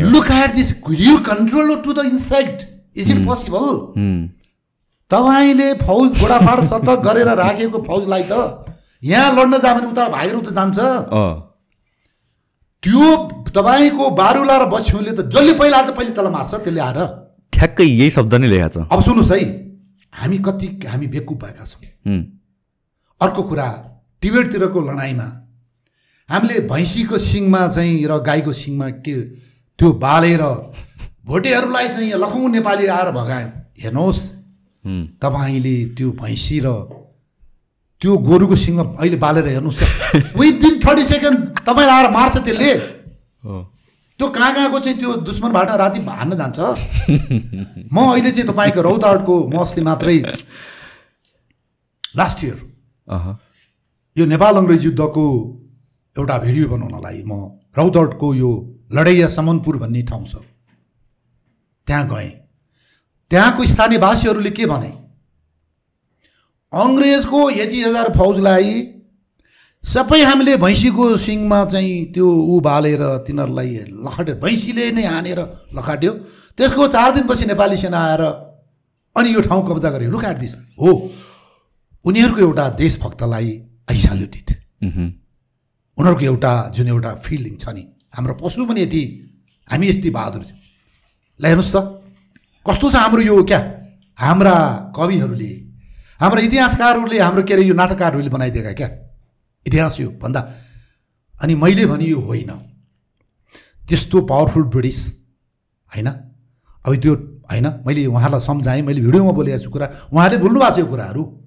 नेपाली सेना त चार दिनपछि हामीले हाम्रो भैँसीले लडाइँ लडाइँ जितेपछि they came and capture this lion occupied that lion we ourselves we fought with our animal भन्नु उनीहरूले बोलेको छ नि त। हामीले हाम्रो जनावरसँग हामी लडेर जित्यौँ भनेर बोलेको छ नि त। यो उनीहरूको गल्ती होइन नि त यो। भन्दा म किन भन्दैछु? अब यो सबै हामी राष्ट्रवादी बन्नको लागि हामीले चाइनासँगको लडेको लडाइँमा हामीले जित्यौँ भनेर बोल्यौँ। लेखेका छौँ पेत्रावती सन्धिमा। त्यो चाइनासँग लडाइँ हामीले हारेको थियौँ। नेपाल अङ्ग्रेज युद्धमा हामीले हार्यो भन्नलाई यहाँ तपाईँको मुठी मान्नुपर्ने हेर्नुहोस्। अलमोस्ट म सेनाको त पहिलो व्यक्ति हुँ। कुरा बुझ्नुहुन्छ? अब हामी चाहिँ यो दन्त्य कथाको नाटकको कविताको कुराहरू जोडेर हाम्रो पछ्यौँलाई हाम्रा भागेका कमान्डरलाई वीर बनाएर हामी राष्ट्र विभूति बनाइरहेका छौँ। अहिले हामी खोज्यौँ त।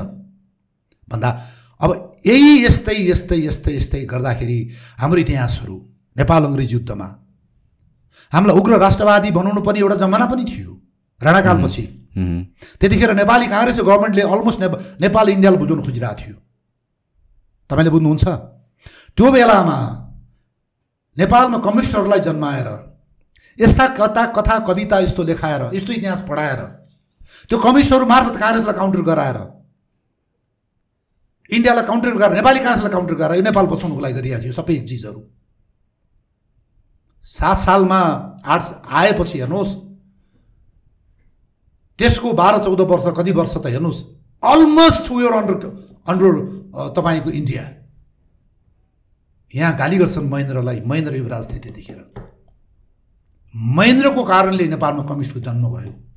उनले ससुरासँग ऋण ल्याएको छन् उनको श्रीमती पहिलो श्रीमती इन्द्र राज्य लक्ष्मीको गहना बेचिया छन् यहाँ कम्युनिस्टलाई दिनलाई। यस्तो इतिहासकारहरू जन्माइएको छ। एउटा तपाईँको अल्ट्रा नेसनलिस्ट बनाइएको छ देशमा माइतीहरूलाई। जसरी माओवादीले दस वर्षमा यहाँ सत्ता पल्टायो नि त। You need that propagandas you need that तपाईँको र्युमर्स भनौँ न तपाईँको त्यो कुनै कसको लागि त्यो देशको लागि आवश्यक पर्छ। लडाइँमा पर्छ। हामीले दुश्मनसँग भोलि सपोज अमेरिकासँग लड्यो अथवा चाइनासँग लड त्यसको लागि हामीलाई प्रोपोगान्डा र्युमरहरू चाहिन्छ। तपाईँको चाहिँ हामीले इतिहास पढाएर अलमोस्ट तिन करोड नेपालीलाई लड्नलाई जुरुक जुरुक उचाल्नुपर्ने हाम्रो कहानीहरू बनाउनुपर्छ हामीले। तर त्यो मिसन पुरा भइसकेपछि हामीले फ्याक्ट बेस्ड हिस्ट्रीमा हामी आउनु we have to come back again तर हाम्रा इतिहासकारहरू केही बाहेक फर्किनु भएन उहाँहरू र हाम्रो इतिहास कस्तो भयो ब्रिटिसको पाना पाना उल्थाएर हामी यहाँ विज्ञ- भएका छौँ प्राज्ञ भएको छौँ हेर्नुहोस्। जसले हामीलाई हरायो जसले हामीलाई खायो जसले हामीलाई चाहिँ तपाईँको बेकुब बनायो त्यसको इतिहास उल्था गरेर हामीले स्थान विशेष नहेरिकन हामीले अब लेखिरहेछौँ। र अब तपाईँले मैले के भने भन्दा त्यो शिवराजको जुन ट्रिगरिङ भयो सुकेको परालमा हामीले आगो सल्काइदिने काम हामी तर्फबाट भएको हो। हेर्नुहोस् कहिले जुट्टो कुरा बोल्नु हुँदैन। मैले भने पृष्ठभूमिमा ब्रिटिसको गल्ती थियो होला अथवा नेपालको गल्ती थियो होला। Wait we have to find out it तपाईँ झुटको तपाईँको सहारा लिएर तपाईँको इतिहास त टिक्दैन नि। मैले अघि नै भनेपछि तपाईँको इतिहास किन पढ्न मान्दैन विद्यार्थीहरूले? किन सातजना विद्यार्थी सत्तरीजना प्रोफेसर छन्? किन त? होइन र तपाईँ समावेश इतिहास बनाउनुहोस् फ्याक्ट बेस इतिहास बनाउनुहोस् म त सेनाको हुँ नि त। मैले त नेपाली सेनाले जितेको कुरा सबै मैले ए सुन र हिराकै मात्र कहानी गर्नुपर्ने हो नि त। यो सुन हिरा होइन यो फलाम पनि यो किट हो किन बोलिरहेको छु मैले? हो त्यो भएको हुनाले अब यति मैले तपाईँलाई पृष्ठभूमि भने ट्रिगरिङ भने। र यसरी नेपाल अङ्ग्रेज युद्धको पृष्ठभूमि तयार भयो र लडाइँ सुरु भयो। नौ भीमसेन थापा इनएक्सपिरियन्स्ड भएको कारणले यो सबै सुरु भयो ट्रिगर भएको होइन त? त्यो पक्कै हो। अब कस्तो थियो कन्सिक्वेन्सेस अफ वार नै थाहा भएन नि त। अब यस्तो भयो। वार भनेको के हो? तपाईँले कुनै गर्भवती महिलालाई देखेर बच्चा पाइसकेको तपाईँले त्यो बच्चा देखिसकेपछि त्यसलाई कल्पना गरेर तपाईँले निबन्ध लेख्नुहुन्छ नि। तपाईँलाई केही पनि पेन थाहा हुँदैन नि। हो इतिहास त तपाईँले तर त्यो बच्चा पाउने आमालाई लेख्न लाउनुहोस् न त्यो कुरा कुरा भन्नु भने तपाईँले त त्यो बच्चा प्रेग्नेन्ट एउटा गर्भवती महिला देखेदेखिको एउटा आमा भएसम्म तपाईँले इतिहास के अरे इतिहास के अरे निबन्ध लेख्नुभयो। But you don't know the pain तर त्यो जन्म दिने आमालाई लेखाउनुहोस् त। के लेख्नुहुन्छ उहाँले? हो। तपाईँ भीमसेन थापाले के गर्नुभयो भन्दा उहाँ एउटा त्यो गर्भवती आमालाई देखेर बच्चा जन्मिएको इतिहास लेख्ने एउटा कमान्डर हुनुभयो। उहाँ बच्चा पाउने आमा हुनुहुन्थेन। यदि त्यो भाइ दिएको भए नाइन्टी नाइन पर्सेन्ट अफ भारदारहरूले लडाइँ लड्नु हुँदैन भनेको छ त्यतिखेर। हो। यो त इज डकुमेन्टेड देयर। त्यो जो जो पहिलाका लडाकुहरू थिए। हामी भर्खरै पन्जाबसँग लडाइँ लडेको छौँ। पाँच वर्ष अगाडि तिन चार वर्ष अगाडि। पन्जाबले हामीलाई डुटो पार्यो काङ्गाडामा त्यसको अगाडि तपाईँको हामीलाई चाइनाले डुटो पार्यो। बेत्रावतीको सन्धि भयो। हाम्रो टिबेटको नुन सुन नुन सबै बन्द भयो। हाम्रो मेन तपाईँको सोर्सेस भनेकै टिबेटबाट चाइनाबाट आउने सुन नुन उन चिया थियो। बेत्रावतीको सन्धिपछि त्यो द्याट वाज गन हामीसँग केही पनि रहेन हामीसँग इन्कम सोर्स लडाइँको युद्ध सामग्री भन्ने कुरा त कति महँगो हुन्छ। हो यो सबै कारणले के बनाएको थियो अरू? युद्ध भूमिका कमान्डरले let's by the time Prithvinarayan शाहको पालामा पनि तपाईँको यो हामीसँग कन्फ्लिक्ट होला होला जस्तो भएको हो त्यसपछि गएर प्रताप सिंह शाहको पाला पनि पूर्वतिर भएकै हो। भनौँ न it was series we have ample of examples but that is to be solve त्यो सल्भ हुँदै आएको थियो। र त्यो बुटुल र शिवराजको जमिनका कुरा पनि उनीहरूले पनि तपाईँको एउटा सट्टापट्टा यो छलफलबाट गरौँ भनि नै राखेका थिए भन्दा। पृथ्वी के अरे भीमसेन थापा युवा क्वाइट यङ भेरी यङ होइन? भर्खर अब यो काठमाडौँ उपत्यकाको दरबारको एउटा कन्सपारेसीमा का काटा मार यताउति दुनियाँबाट अब यो उसबाट राजा रणबहादुर शाह छोरालाई राज्य सुम्पिएर अढाई वर्षको छोरालाई दुई वर्ष छोरा राज्य सुम्पिएर ऊ जोगी भए। जोगी भइसकेपछि फेरि केही महिनामा ऊ भोगी भए।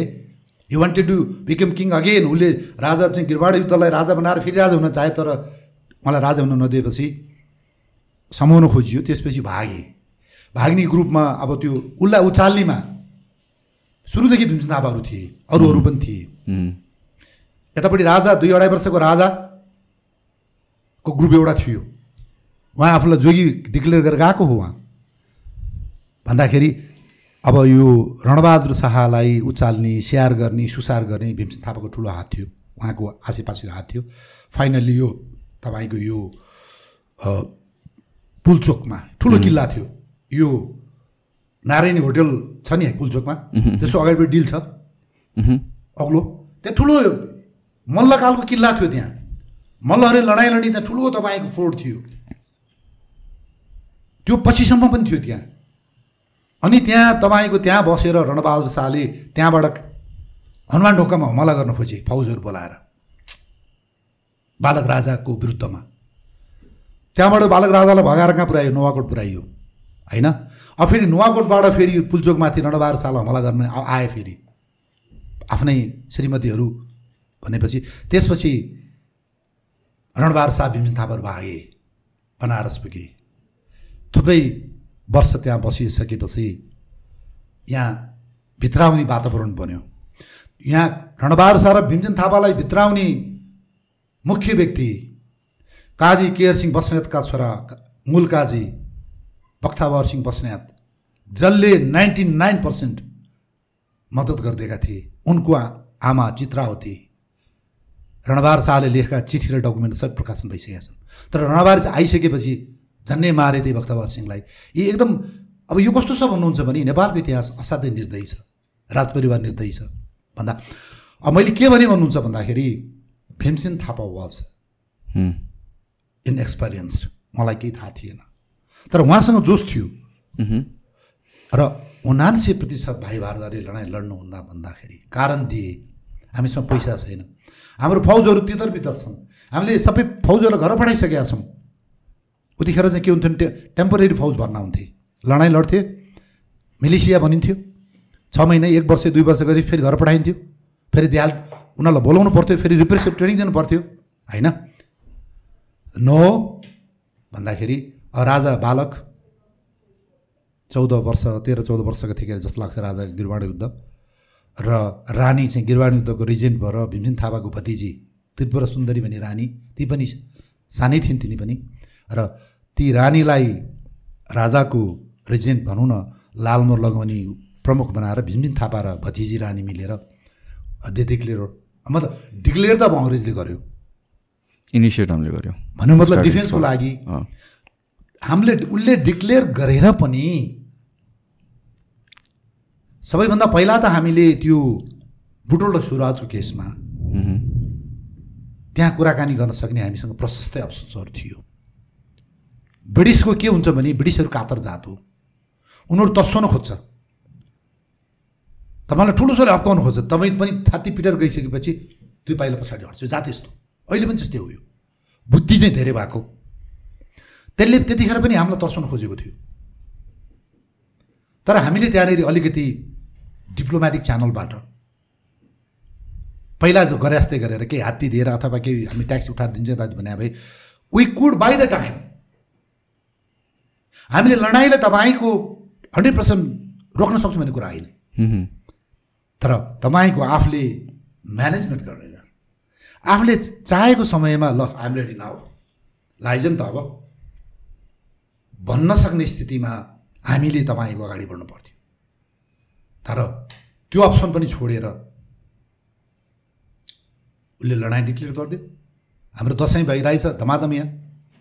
मध्य दसैँ अब नोभेम्बर फर्स्ट एटिन फोर्टिनमा उनीहरूले डिक्लेयर गरिदियो। पाँच दिन छ दिनपछि यहाँ चाहिँ दसैँ छ हेर्नुहोस् त दसैँ महा महाअष्टमी नवमी छ हेर्नुहोस् है। भन्दा यसरी यदि भीमसेन थापालाई कन्ट्रोल गर्न सक्ने व्यक्ति त्यतिखेर राजा रणबारसा मारिसकेका छन्। हि वाज एसेसिनेटेड उसकै भाइ चौतारा शेरबहार साइल काटिसकेका छ उसलाई। अब कोही पनि छैन नेपालमा। भीमसेन थापाका विरोधीहरू तपाईँको थुप्रै काटे भीमसेन थापाका विरोधीको सन्तान दुई वर्षदेखि अचार पचासी वर्षका बुढासम्म नि काटे दुई वर्ष उँभो पचासीसम्मका। He was only the super power in Nepal उहाँको इच्छालाई कसैले पनि नकार्न सक्दैन थियो।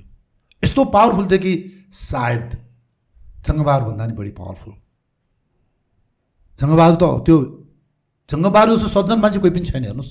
हामीले इतिहासले उसलाई ऊ बनाएको मात्रै हो हामीले भिलेन बनाएको मात्रै हो। मलाई लाग्छ भीमसेन थापाको जति शक्तिशाली व्यक्ति राणाकालमा नि थिएनन्। र नेपालको इतिहासमा सायद विक्रम सम्मत अठार सय पछि उनै थिए। होइन?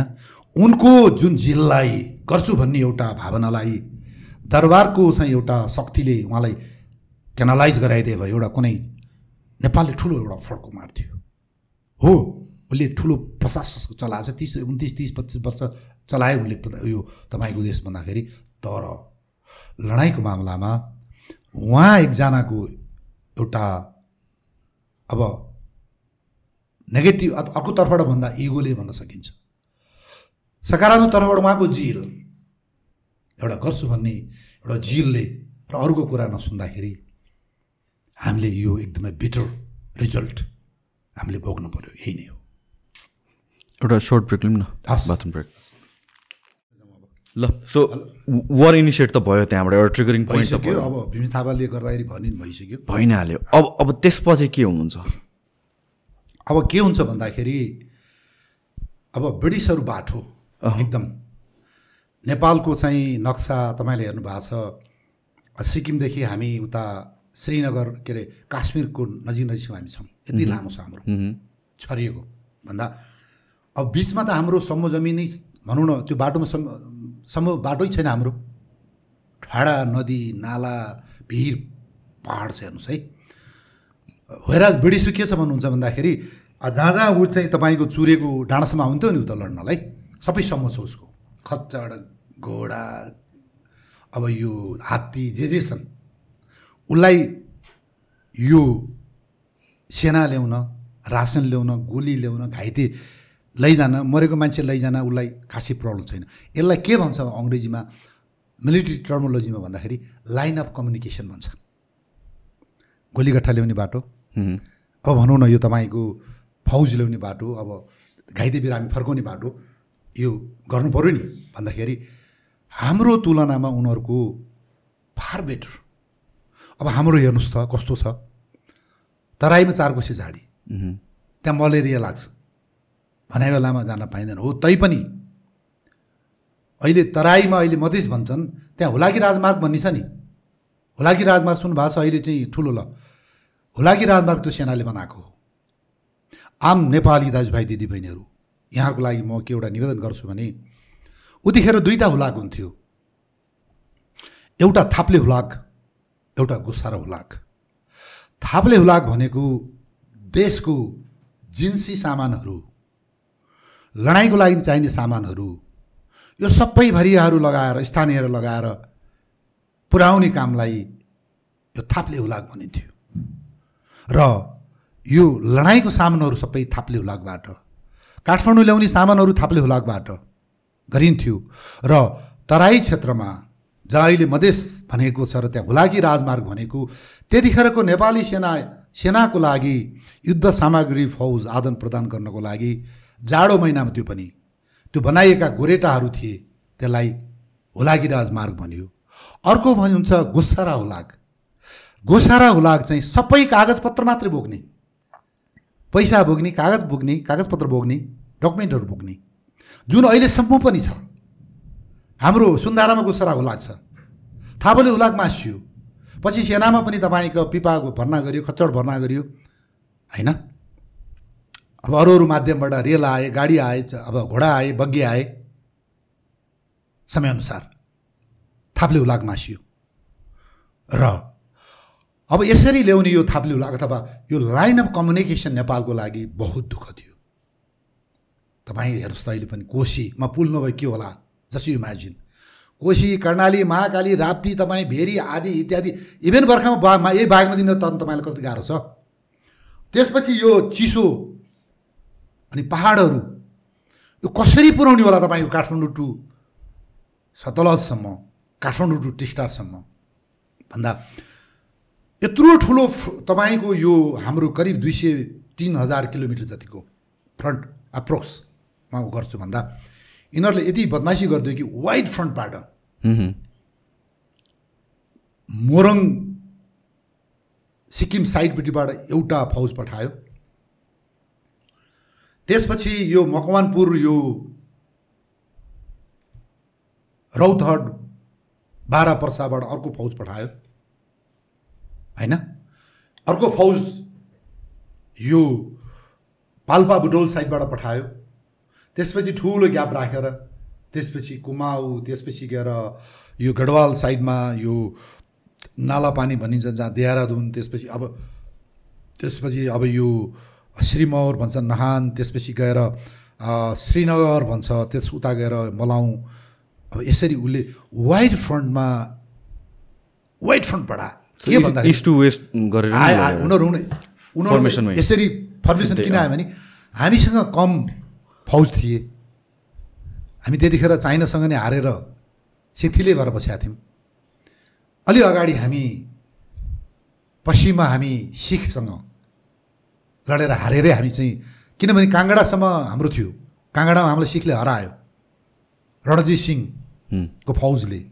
त्यसपछि हामी फर्केर आएर हामी सतलज भन्ने हामी करिब करिब I guess it takes three hours from Kangra to Sutlej three hour भन्दा पनि बढी पर्छ ड्राइभ अहिले म दुई तिनचोटि गएको छु भन्दा त्यहाँ आएर बस्यौँ। भन्दा विभिन्न कालखण्ड खण्डमा हामी विक भइसकेका थियौँ।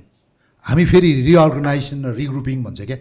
तपाईँको पखाला लाग्यो भने you'll be dehydrate then you need to be rehydrated तपाईँ जीवन जल खानु पऱ्यो नि भन्दाखेरि at that time were the dehydrate dehydrated विभिन्न लडाइँले गर्दा।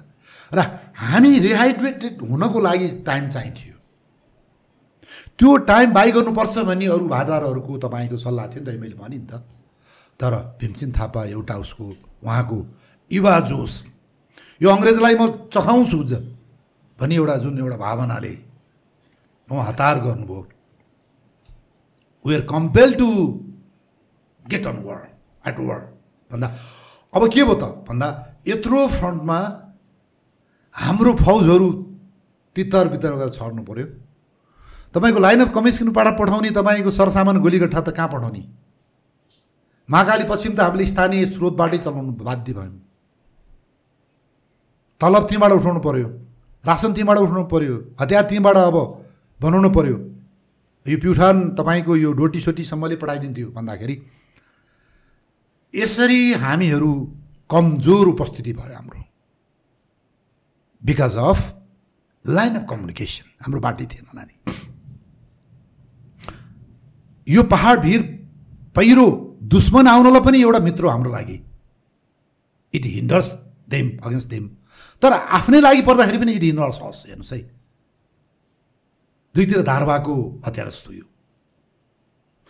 अब भनेपछि अब उसले मल्टी डाइरेक्सनल अट्याक भन्छ यसलाई अङ्ग्रेजीमा। विभिन्न दिशाबाट उसले। हाम्रो चाहिँ एक्सपेक्टेसन के थियो भन्दा राजधानी काठमाडौँ। क्याप्टेन किनलक आएको जस्तो अथवा पहिलाका मुगल फौज आएको जस्तो काठमाडौँमा हान्न होला भन्ने हाम्रो एक्सपेक्टेसन त्यो थियो। तर अङ्ग्रेज बाटो टुक्रा टुक्रा पारेर उसले। त्यो विशेष गरेर तपाईँको तिब्बत जाने बाटोहरूको उसले एक्सेस हेरेको छ। टिस्टाको त्यो लिन सक्यो भने नाथुला छि गर्ने छ। यो बागमती यो मकवानपुर एक्सिसबाट लान सक्यो भने केरुङ कुती केरुङको बुटौल्यो भने उतापट्टि गएर तपाईँको यो यो कागबेनी के भन्छ नि अहिलेको यो हुम्ला सुम्लाको यो एक्सिस यो एक्सिस यो यो के? मुस्ताङको एक्सिस उतातिर गएर कुमाउले गएर यो हाम्रो कालापानी एक्सिस यसले यसरी यसरी छुट्याएको छ हेर्नुहोस् यो टिबेटलाई उसले लक्षित गरेर हामीलाई ठाडो खण्ड खण्डको छुट्याइदियोस्। हाम्रो एक खण्डबाट अर्को ठाउँमा हामीले फौज पठाउन सक्ने स्थिति नरायण गरेर उसले लिएर आएको छ। यस्तो स्थितिमा हामीलाई लडाइँ लड्न बाध्य बनाइदिएछ। र अब उसको ऊ अब पैसामा बलियो शक्तिमा बलियो हतियारमा बलियो। उसले इन्डियन राजाहरूको घाँटी समातेर करोडौँ पैसा उसले लिएको थियो तर नेपालले कसैलाई पनि घाँटी समाउने स्थिति थिएन। थियो भने नेपालमा पनि यो चौबिसै राज्यहरूमा तपाईँका राजाहरू थिए।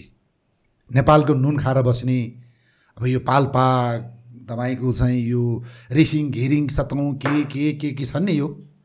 यी थिए राजाहरू जिउँदै थिए यिनीहरूलाई हामी समाउँथ्यौँ निचर्थ्यौँ हाम्रो रासन हाम्रो गोलीगट्टा लाने सिस्टम के थियो काठमाडौँबाट पठाउँदैन थियो हाम्रो लडाइँको चेन के थियो हाम्रो नेपालको नेपाली सेनाले खोइ यसमा तपाईँको सोधखोज गर्न सकेको खालि सिभिलियन इतिहासकार राखेको छ त्यहाँ तपाईँको सची शमशेरको पालामा लेखे नि त्यही त्यही कुरो अर्को चिफको पालामा लेखे त्यही कुरो हेर्नुहोस् त नेपाली सेनाको इतिहास अहिले चार पाँचवटा चिफले लेखे त्यही त्यही कुरो लेखेको छ त्यही इतिहासकार त्यहाँ त्यहाँ लालमलिया लालमोरिया पण्डितहरू छन्। नयाँ कुरो केही खोज्दैनन् किनभने त्यहाँ पैसा पाइन्छ। पैसा नपाए भने फेरि एउटा सुको लेख्दैन उनीहरूले एउटा कपल लेख्दैन हेर्नुहोस् है त कस्तो छ बेडमाना। कोही लेखकले लेख्दैन यहाँ। हाम्रो चेन के थियो लडाइँको पाल्पा राज्य यति हजार फौज तयार गर्ने एकीकरणको लागि अथवा अङ्ग्रेज युद्धको लागि। डोटी राज्य यति नाल तोप खडा गर्ने तयार पार्ने प्युठान राज्य यति सय बन्दुक तयार गर्ने। फलानो राज्य यति मुरी चामल। अब के हुन्थ्यो तपाईँको? अब कास्की पश्चिमले लाने हो भने एउटा राज्यले अर्को राज्यसम्म त्यो पुर्याइदिने। त्यो राज्यको जिम्मा हुन्थ्यो। त्यहाँबाट अर्कोले टेक ओभर गर्थ्यो। थाप्ले हुलाक। मैले भनेँ नि। त्यहाँबाट अर्को राज्यले अर्को it was the chain of तपाईँको लाइन अफ कम्युनिकेसन त्यतिखेर। काठमाडौँले केही पनि तपाईँको खासै केही गर्दैन थियो। That was a chain of तपाईँको लजिस्टिक सिस्टम यो कुरामा नेपाली सेनाले खोजी गरेको छैन सोधै गरेको छैन। तपाईँले काठमाडौँबाट हतियार बोकाएर गोली बोकाएर ढोटी पुर्याउने होइन। हाम्रो एकीकरणको पछि महाकाली पश्चिमको एकीकरणको लडाइँमा यसरी लडियो। नेपाल अङ्ग्रेज युद्ध यसरी नै लडियो। कति राज्यले पैसा दिन्थे? हेर्नुहोस् त इतिहासमा अहिले पनि लेखिएको छ यो कुराहरू। हामीले तिब्बतसँग लडेको सबै लडाइँहरूमा यी नेपाल अन्तर्गत रहेका राजाहरूले थुप्रै फौजहरू थुप्रै पैसाहरू थुप्रै हतियारहरू थुप्रै भरियाहरू थुप्रै चौडीहरू थुप्रै याकहरू थुप्रै भोटे ड्रेसहरू तयार पारिदिएका छन्। हाम्रो लजिस्टिक चिन त्यो थियो। काठमाडौँले खासै तयार गर्दैन थियो। किनभने तिनीहरूले ट्याक्स तिरेर नेपाल गभर्मेन्टको नुन खाएर देवर डिपेन्डेन्ट स्टेट्स हो। अब यो सिस्टम पनि नेपाल अङ्ग्रेज युद्धमा लामो टिक्न सकेन। जब हामीले बुटोल शिवराजमा अठारजना मार्नुभन्दा अगाडि हामीले असल गर्नुभन्दा अगाडि भीमसेन थापाले को आदेशमा पाल्पाका अन्तिम राजा दिग्बन्धन सेनलाई एउटा झुट्टो कुरा बोलाएर मा काठमाडौँ बोलाउँछौँ हामीले। उनलाई पाटन नआइपुग्दै उता त चन्दागिरीबाट हुँदै पाटन हुँदै तपाईँको काठमाडौँ आउनलाई यो टेकु दोभानबाट पुल तरी जानुपर्छ नि त्यतिखेर। तपाईँ थापाथलीबाट पुल तर्ने जमाना थिएन त्यतिखेर। ठ्याक्क उसलाई चाहिँ झुक्याएर एउटा फटाइ कुरा लेखेर पुलाइन्छ उहाँलाई। एकदम दर्दनाक इतिहास छ नेपालको इतिहास। इट वाज द तपाईँको त्यही हाम्रो बहादुर भीमसेन थापाजीले नै हो। त्यसपछि पाटन आएपछि उहाँलाई समातिन्छ जेल हालिन्छ। उहाँको आगो सबै अङ्गरक्षकलाई त्यहीँ मारिन्छ।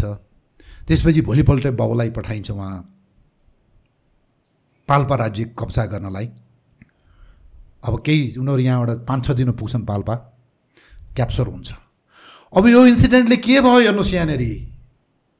अब गोर्खा यतिखेरको नेपाल राज्यप्रति अब चौबिसै अन्तर्गतका डिपेन्डेन्ट राज्यहरूका इभेन तपाईँका सल्यान जाजरकोटदेखि राज्यहरूले यो गोर्खालीहरूप्रति विश्वास गर्न नहुने रहेछ। मौका पर्यो भने पाल्पाको राजा जस्तोलाई त यसरी यिनीहरूले समातेर मार्दा रहेछन् भन्दा हाम्रो के अवगत होला भनेर हेर्नुहोस्। किनभने नेपाल एकीकरणमा बहादुर शाहको ससुराली थियो पाल्पा। यो पाल्पा पश्चिमको आदि नेपाल एकीकरण त पाल्पाको सहयोगले भएको छ। हेर्नुहोस् त्यत्रो गुण लाग्छ पाल्पाले। बिग हेल्प मिलिट्री उसमा। त्यति सहयोग गरेछ पाल्पाको अन्तर्गतमा पश्चिम थुप्रै थियो। डोटीसम्म थियो। Palpa you to control them. पछि पनि पाल्पाको चाहिँ तपाईँका राणाको पालामा पनि पाल्पाका जनरलले चाहिँ त्यहाँ बडा हाकिम भएर बस्नेले डुटीसम्म तपाईँको चाहिँ दार्चुलासम्म कन्ट्रोल गरेर बस्थे। द्याट वाज द पावर त्यतिखेर पाल्पाको। भन्दा जब भीमसेन थापा रणबहादुर शाहले यहाँ ल्याएर पाल्पाको राजालाई मारिसकेपछि अब के हुन्छ भन्दा त्यो जुन लजिस्टिक चेनवाला हामीपट्टि लोयल हुने तपाईँका चौबिसे बाइसे राजाहरू कति थिए भन्दा तिनीहरूको लोयल्टी घट्छ हेर्नुहोस्। अब बिस्तारै they to be they started provoked by the British propagandas अब महाकाली पश्चिम त झन्यले एकदमै नेगेटिभ गयो हेर्नुहोस्। भन्दा मैले के भने यहाँनिर? अर्को विकनेसेस जुन हाम्रो लजिस्टिक चेन्जहरू थियो जुन नेपालप्रति एउटा लोयल थिए बाध्यता रूपमा होस् अथवा मन खुसीले थिए भन्दा यो इन्सिडेन्टले एकदमै नराम्रो बनायो। यिनीहरूले पनि हामीलाई बाई सपोर्ट गर्न छोडे भन्दाखेरि अब विभिन्न कारणले गर्दा हामीले महाकाली पश्चिम त कति महिनासम्म तलब दिन सकेका थिएनौँ सेनालाई। हामीले फोर्स रिक्रुटमेन्ट गरेका थियौँ त्यहाँ। उनीहरूकैलाई घरबाट चामल ल्याउनु पर्थ्यो हामीले। उनीहरूलाई मानेन भने हामीले मार्थ्यौँ पनि होला। भन्दा एक किसिमको हाम्रो एकदम क्रुल एडमिनिस्ट्रेसन थियो। किनकि केन्द्रबाट केही पनि त्यहाँ पुग्दैन थियो हेर्न सकेको थिएन। र त्यो कारणले गर्दा हामी हात हतियार पनि कमजोर हुँदै त हामी त्यसै थियौँ। र फाइनल्ली के भइदियो भन्दाखेरि ब्रिटिसले कुमाऊ गढवाल इलाकामा यत्रो प्रोपोगान्डा फैलाइदियो कि we are here because of you wanted liberate you from the Gorkhali Gorkhalese terrorism उनीहरूले गोर्खाली आतङ्कवादबाट तपाईँहरू गढवाल कुमाऊको दाजुभाइ दिदीबहिनीलाई स्वतन्त्र गर्नलाई हामी आएका छौँ। हाम्रा साथ दिनुहोस् भनेर उहाँले क्याम्पेन गर्न थाल्यो त्यहाँ लिफलेट्सहरू निस्क निकाल्न थाल्यो। अब नेपाली आर्मीबाट भागेर त्यहाँ जानेहरूलाई डबल टेबल तर दिन थाल्यो ब्रिटिसले। हाम्रो काठमाडौँ पठाएको चिठी पत्रहरू लुकाएर त्यहाँ उसलाई दिन थाल्यो गोप्य कुराहरू। किन भन्दा हामीले तलब दिन सकेका थिएनौँ। यो चिजहरू पनि हामीले सत्य कुरा लेख्नु पऱ्यो होइन? र अर्को कुरा के थियो भन्नुहुन्छ भने काठमाडौँ केन्द्रले भीमसिंह थापा जो अब प्रधानमन्त्री भन्छ नेपालको इतिहासले मैले त कहीँ पनि प्रधानमन्त्रीको नियुक्ति पाएको छैन। उहाँले मुख्तियार पाउनु भएको छ।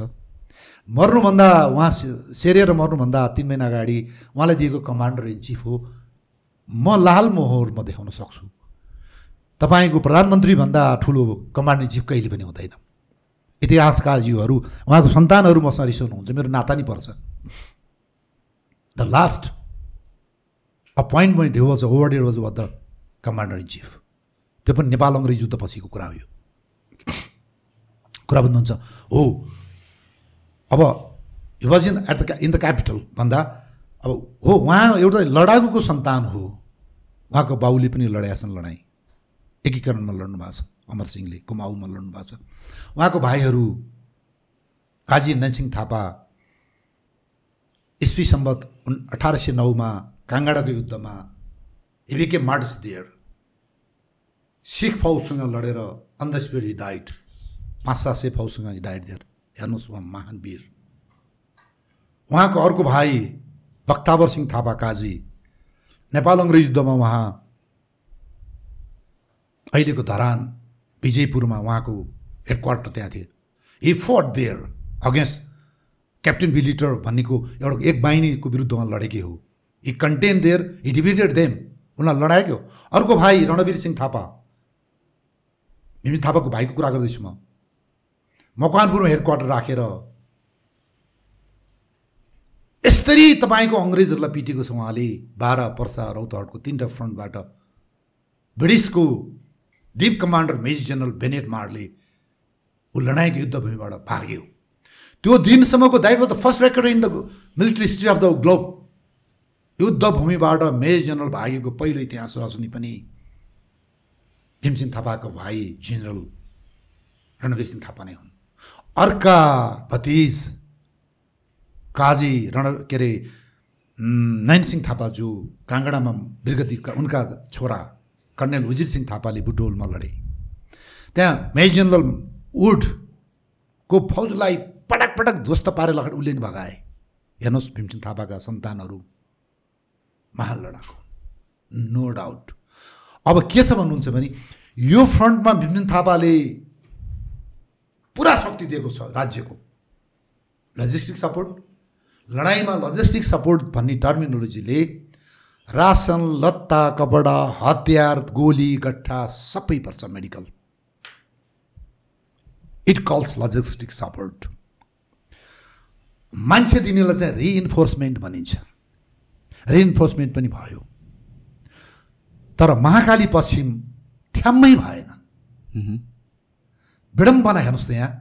त्योभन्दा नि ठुलो विडम्बना इतिहासकारहरूले बुझ्नुपर्छ आम नेपालीले बुझ्नुपर्छ।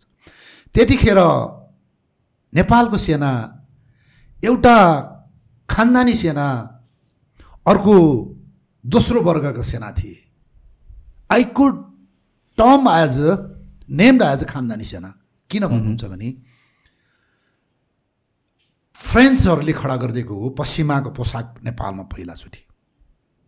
जेनरल कर्नेलहरूको उ गरेर त्यो पोसाक खडा गरिदिएको ब्यारेक छाउनी भएर काठमाडौँको छाउनी भएर त्यो ब्यारेकहरूलाई छाउनी भनिन्थ्यो सबै फ्रेन्चले गरिदिएको अहिले छाउनीको त्यो राष्ट्रिय सङ्ग्रहालय that was the first army head quarter फ्रेन्चहरूले बनाइदिएको त्यो were the architect.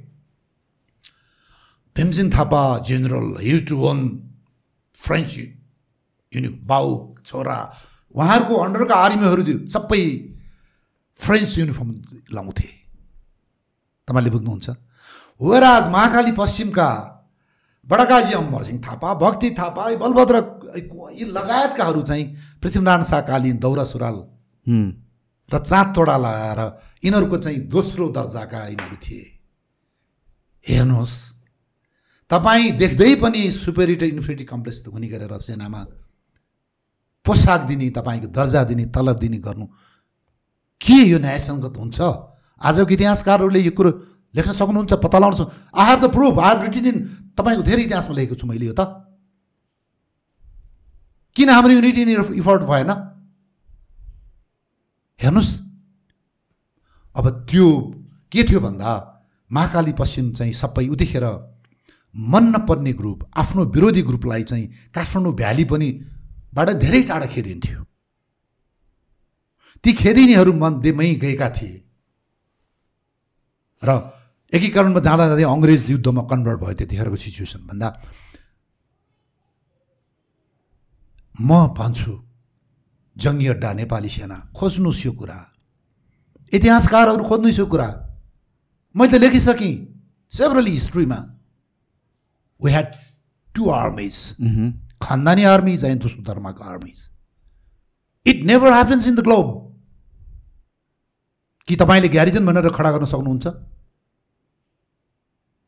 दुई थरी हुन्छ आर्मी एउटा तपाईँको फाइटिङ आर्मिज फाइटिङ फोर्स र garrison force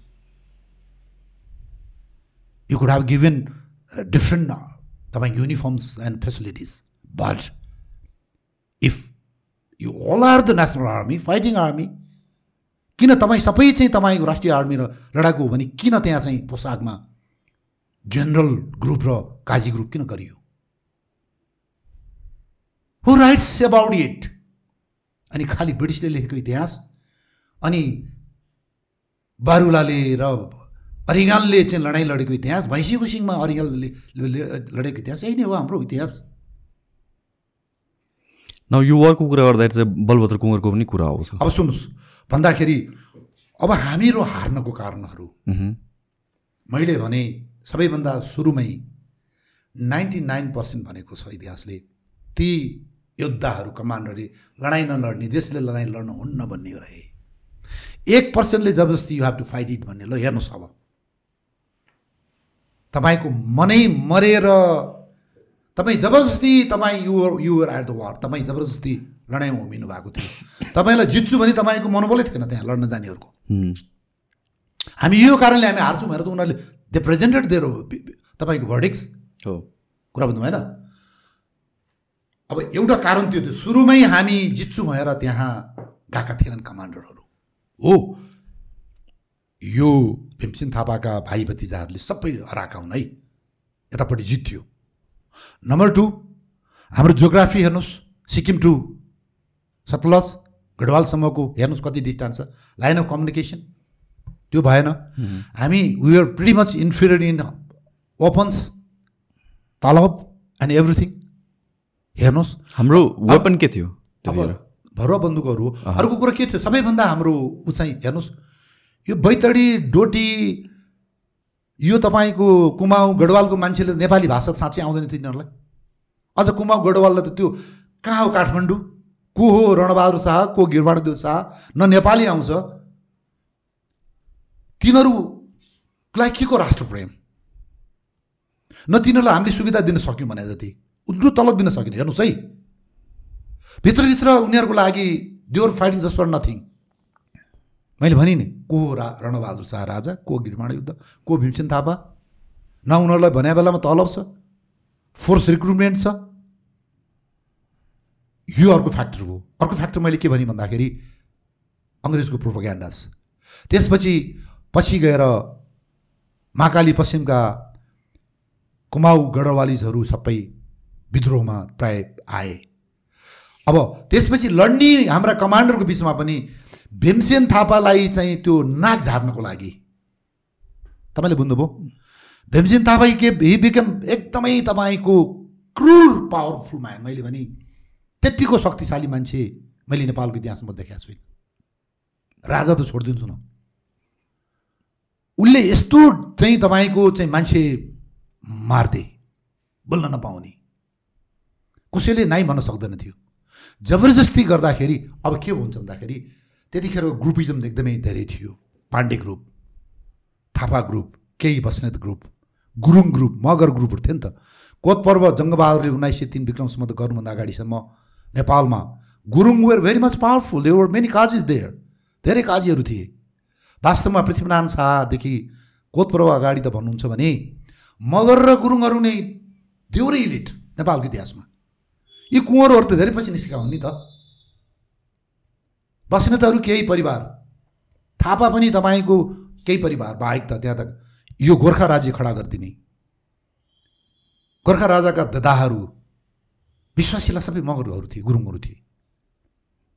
कुरा भन्नुहुन्छ भन्दा यी मगर ग्रुपको पनि गुरुङको पनि यहाँ ग्रुप थियो भन्दा त्यो ग्रुपले अर्को ग्रुपलाई डिफेम गर्न चाहन्थ्यो भन्दा यिनीहरू नि मसँग प्रमाण छन्। जसलाई अहिले राष्ट्रिय विभूति घोषणा गरिसकेका छौँ हामीले। बाई लडेको छैन। गढवालतिर। मैले लेखिसकेको छु बोलिसकेको छु। मैले डकुमेन्टहरू पाएको छु। भन्दाखेरि यो विभिन्न कारणले गर्दा त्यो सिचुएसनले लडाइँ लड्न हुने भन्दा भन्दै हो मैले फेरि पनि म भन्छु भीमसेन थापा कमान्डर इन चिफको नेत खराब थिएन। लडाइँ घोषणा गरेर हामीले हार्यौँ। र यसरी हामीले त्यो लडाइँलाई बाई टाइम बाई गरेको भए हेर्नुहोस्। त्यो त्यतिसम्मको नेपाल त इन्ट्याक्ट रहन्थ्यो रहन्थ्यो नो डाउट हामी लाइन लक हुने थिएनौँ अहिले। हामी अहिले तपाईँको बे अफ बङ्गालमा हाम्रो एक्सिस थियो नि त पूर्व। हामी समुद्रसँग जोडेको थियौँ। अङ्ग्रेजहरूले फर्केर जाने बेलामा पद्मसिंह राणाको पालामा भनेको नि त यो अहिले तपाईँको यहाँ यो राणाहरूले भनेको होइन यहाँ त्यहाँ भन्छन् हो। महाकाली पश्चिम त यु लस्ट इट लडाइँ लडाइँ हारेको हो। तर मा हामीले चाहिँ मेची पूर्व त हामीले लडाइँ लडेको होइन हामीले हारेको पनि होइन। र हामीले धेरै तपाईँको ब्रिटिसहरूलाई मद्दत गरेको एउटा गुणलाई सम्झेर। उनीहरू nineteen forty सेभेनमा when India became liberation from the British colony power जब तपाईँको ब्रिटिसबाट स्वतन्त्र भयो दुई हजार पाँच साल होला विक्रम सम्बन्धमा त्यतिखेर जानुभन्दा अगाडि ब्रिटिसले सोधेको हो। पद्मशमशी राणा श्री तिनलाई उनीहरूले लिन मानेन किन मानेन त्यतिखेर दार्जिलिङ त्यो त्यो साइडहरू सिक्किम के अरे यो यो यो कालिम्पोङ इलाकाहरू they were highly educated they were pretty much aware in politics नेपालमा पनि यहाँ विभिन्न तपाईँको धर्मभक्त यो सुकराज शास्त्रीले फाँसी पाइसकेको त राजनीति जागरणले गर्दा त्यो लियो भने यहाँ हाम्रो पोलिटिकल फेरि एउटा रिभोल्युसन सुरु हुन्छ भन्ने एउटा इन्टरप्रिटेसनमा हामीले पूर्वको जमिन फिर्ता लिन नखोजेको हामीले इतिहासहरू देखेका छौँ। So that we became landlocked now भन्दा अब यसको सेभरल कन्सिक्वेन्सेसहरू हामीले हारको कन्सिक्वेन्सेस त अब के के भए भए हामीले यत्रो आधी जमिन तपाईँको गुमायौँ मान्छे मरे धन गए अब थुप्रै नेपाली लाहुरे भए होइन? यी चिजहरू त आफ्नो ठाउँमै छँदैछ। अब यो बोल्ने हो भनेदेखि अब म तपाईँको बाह्र घन्टा बोलिदिन्छु नेपाल अङ्ग्रेज युद्धमा। म मुखारी बोलिदिन्छु म। मैले तिनचोटि चारचोटि युद्धस्थलको मैले सिक्किमदेखि काँगडासम्म म फिजिकल्ली म घुमेको छु। मैले हरेक तपाईँको चाहिँ युद्धस्थलहरू मैले हेरेको छु। म सिपाही भएँ भने हेर्नुहोस् मैले त्यो सिन्धुलीको यो पौवागढीको तल ढुङ्ग्रे भन्ज्याङबाट त्यो क्याप्टन किन्लक हिँड्ने ठाउँमा दस बाह्र केजी वेट बोकेर झोलामा म हिँडेको छु उकालोमा। म सिपाही भएँ त्यतिखेर लड्ने हो भने म कति घन्टा लाग्दो रहेछ मेरो यस्ता तपाईँका कलम समातेर हावामा इतिहास लेखेर हिँडेको होइन मैले। म I could imagine now also. I could analyse the जो टोपोग्राफी जियोग्राफिकल कन्डिसनमा हावा तपाईँको त्यहाँको प्रकृति म तपाईँको लडाइँ गर्ने स्थलहरू बाटोहरू म अहिले पनि इमेजिन गर्न सक्छु। म अहिले पनि तपाईँको यसरी लडेर भन्न सक्छु मैले। भन्दाखेरि अब यो चिजहरू जे गरे हाम्रा पुर्खाहरू बहादुर थिए। यो तपाईँको के भन्दाखेरि लडाइँ भनेको it's a political decision it's not the army होइन? अब डिप्लोमेटिक एउटा छलफल एउटा एन्डमा नपुगिसकेपछि त्यसकै कन्टिनेसनमा एउटा राजनीतिक कन्टिनेसन हो नि त लडाइँ पनि। तपाईँले विभिन्न सामदाम दण्डभेद भन्ने हुन्छ राजनीतिमा। त्यसपछि दण्ड दिन चाहनुहुन्छ तपाईँ। That is you will be using the arm forces तपाईँले दण्डको अब फेजमा गएर तपाईँ हमला गर्नुहुन्छ त्यो गर्नुहुन्छ पिट्नु होला चुट्नु होला के गर्नु होला भन्दा हाम्रो इस्ट इन्डिया कम्पनीसँगको लडाइँ पनि यही नै थियो।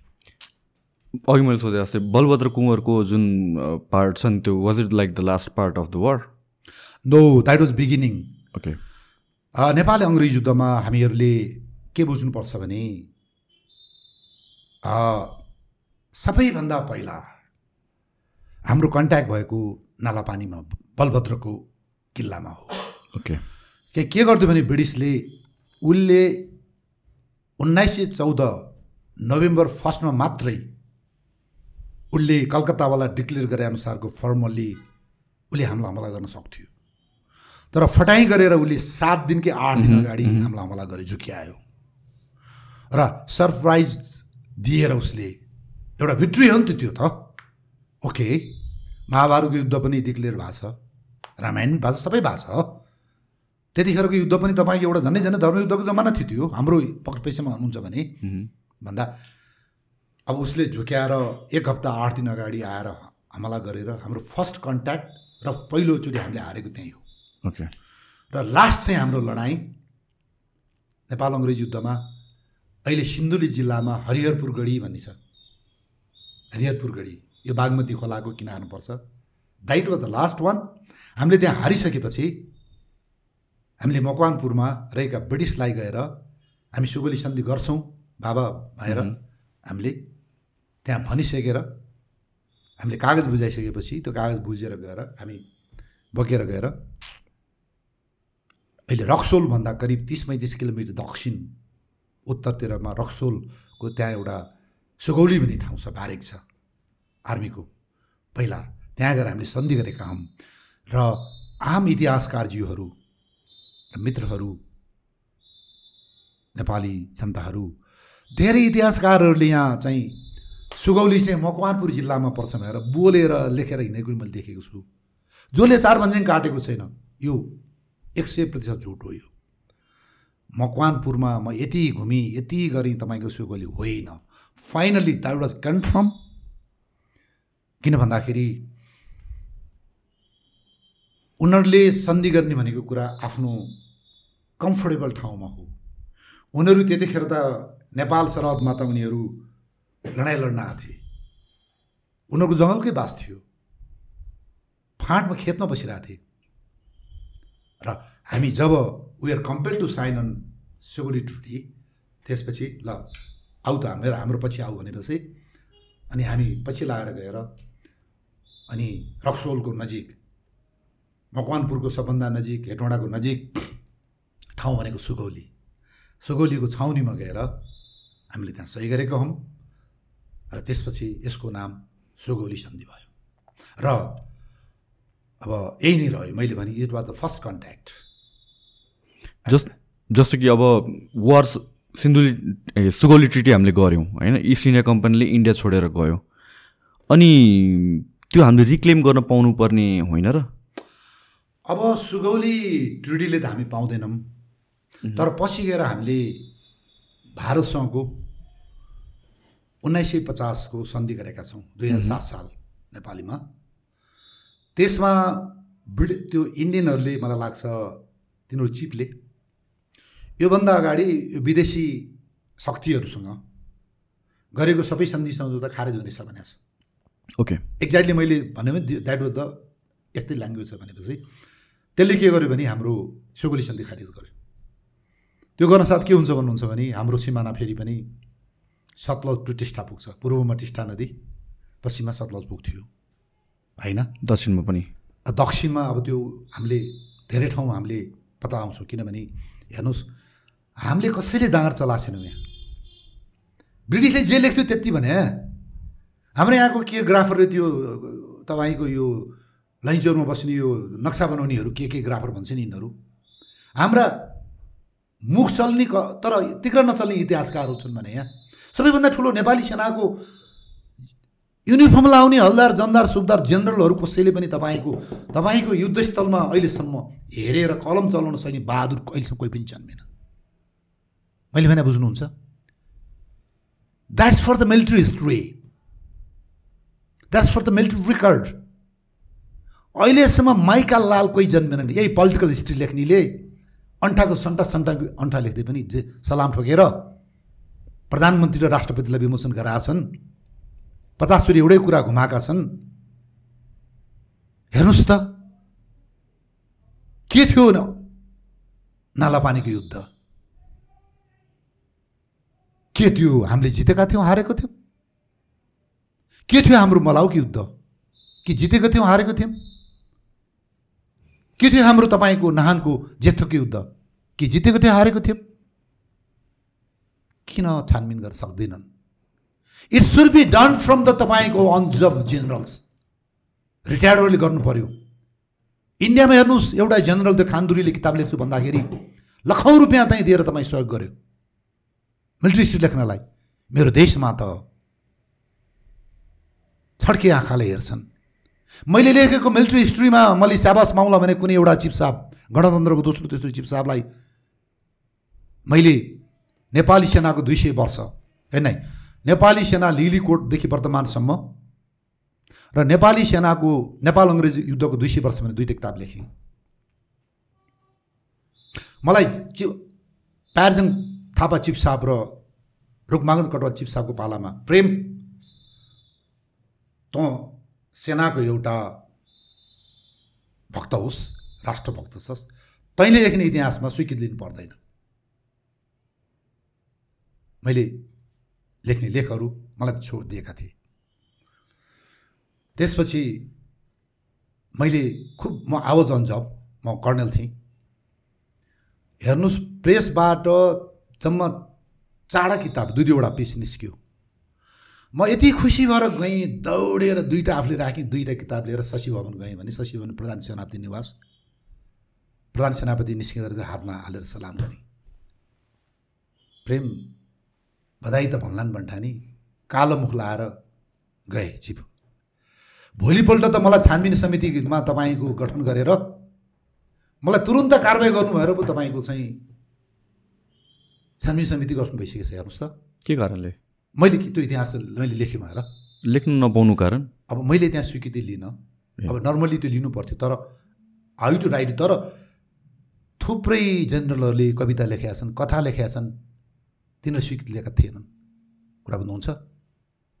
मैले के भनेँ भन्दाखेरि मैले कहिले पनि मलाई इन्करेज कहिले गरेको छैन तर त्यो मेरो धर्म हो। मैले अन्जब हुँदाखेरि एघारवटा जति किताब लेखेको छु नेपाली सेना र अरू सम्बन्धी। लुकी लुकी म तपाईँको टिस्टा काँगडा घुमेको छु मेरो पैसा खर्च गरेर। मेरो श्रीमती लिएर म हिँडेको छु। I have spoken about the military history I have written it many कति मैले लेखहरू लेखिदिएको छु। त्यो छाउनीमा रहेको सैनिक सङ्ग्रहालय खडा गर्ने पहिलो म हुँ। त्यहाँ लेखेको त्यहाँ पेन्टिङ सबै मेरा कल्पना हुन्। मैले त्यो युद्ध गरेको स्थान घुमेर। त्यहाँ प्र प्रदर्शित फोटोहरू मैले बेलायतबाट तपाईँको पढ्न जाँदा लिएर आएको फोटोहरू मेरो व्यक्तिगत पैसा तपाईँको त्यतिखेरको पैसा मेरो झन् दुई हजार पाउन्ड खर्च भएको थियो हेर्नुहोस्। राजाको जन्मोत्सवमा राजाको आदेशले त्यो सैनिक सङ्ग्रहालय खडा गर्ने भन्ने कुरा भयो। तिन महिनामा खडा गर्नुपर्ने भयो। दुई तारे जर्नललाई भने छ त्यहाँको चिफ साहबले सक्दिनँ भने एक ताराले भने सक्दिनँ मभन्दा सिनियर कतिलाई भने कसैले सक्दिनँ भनेपछि म एउटा हिस्ट्रीमा एमए गरेको थिएँ।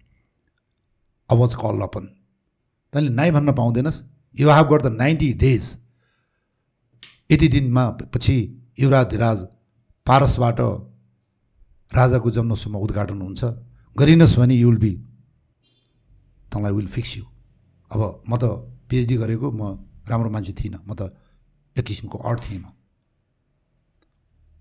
राइट सर हेर्नुहोस् मलाई केही दिएको थिएन त्यहाँ त्यो खर्च गर्न के अरे गर्न मलाई केशव संसददेखि प्रज्वल शमशेर चिफ साहबकोसम्म प्यारजङ चिफ साहबसम्मको फोटो दिएको थियो चिफको त्यति अर्को पनि होइन। तपाईँको नाइन्टी डेज भनेको मैले एट्टी थ्री डेज हो कि एट्टी सेभेन डेजमा। त्यो इन्जिनियरिङ विभागले प्वाकल सकल बनाउनु लाएर त्यो सबै डकुमेन्टेसनहरू I printed from I but from UK मैले लिएर आएको हुँ त्यो। त्यो तपाईँको फोटोहरू सबै मेरो इमेजिनेसनमा अहिले पेन्टिङहरू मैले देख्छु अहिले अनलाइनमा। सबै त्यो मेरो कल्पना हो त्यो सबै। त्यो फोटोहरू हेर्नुहोस्। अनि मैले समावेशी तपाईँका सेनाका नायकहरू सबै मैले राखेको हुँ। अहिले पनि सेनामा समावेशी चरित्रको इतिहास मैले लेख्न थालेँ पहिला। नत्र केही राणाहरू केही थापाहरू केही बस्नेतहरू। यिनीहरू त थिएन के थिए केही एक दुईवटा। हेर्नुहोस्। त्यहाँ गएर। त्यसमा मलाई गौरव छ। त्यति मात्रै होइन। त्यसको पछाडि एउटा स्मारक छ सैनिक स्मारक। नेपाली आर्मीले केही पनि गर्दै गर्दैन। म यो तपाईँको म्युजियम खडा गर्ने सिलसिलामा पुलिसको हेडक्वार्टरमा गएँ त अमर प्रहरी भनेर त्यहाँ चाहिँ माओवादी युद्धमा लड्नेहरू मर्नेहरूको त्यो स्मारक बनाइसकेका रहेछ। आई फेल्ट भेरी हो क्या मेरो नेपाली सेना देखेर ओहो खालि म्युजियम बनाउने कुरामा यस्तो बनाउने कुरामा त nobody bothers I came directly to the chief साहब रुकमाग्न कटवाल चिफ साहब हुनुहुन्थ्यो।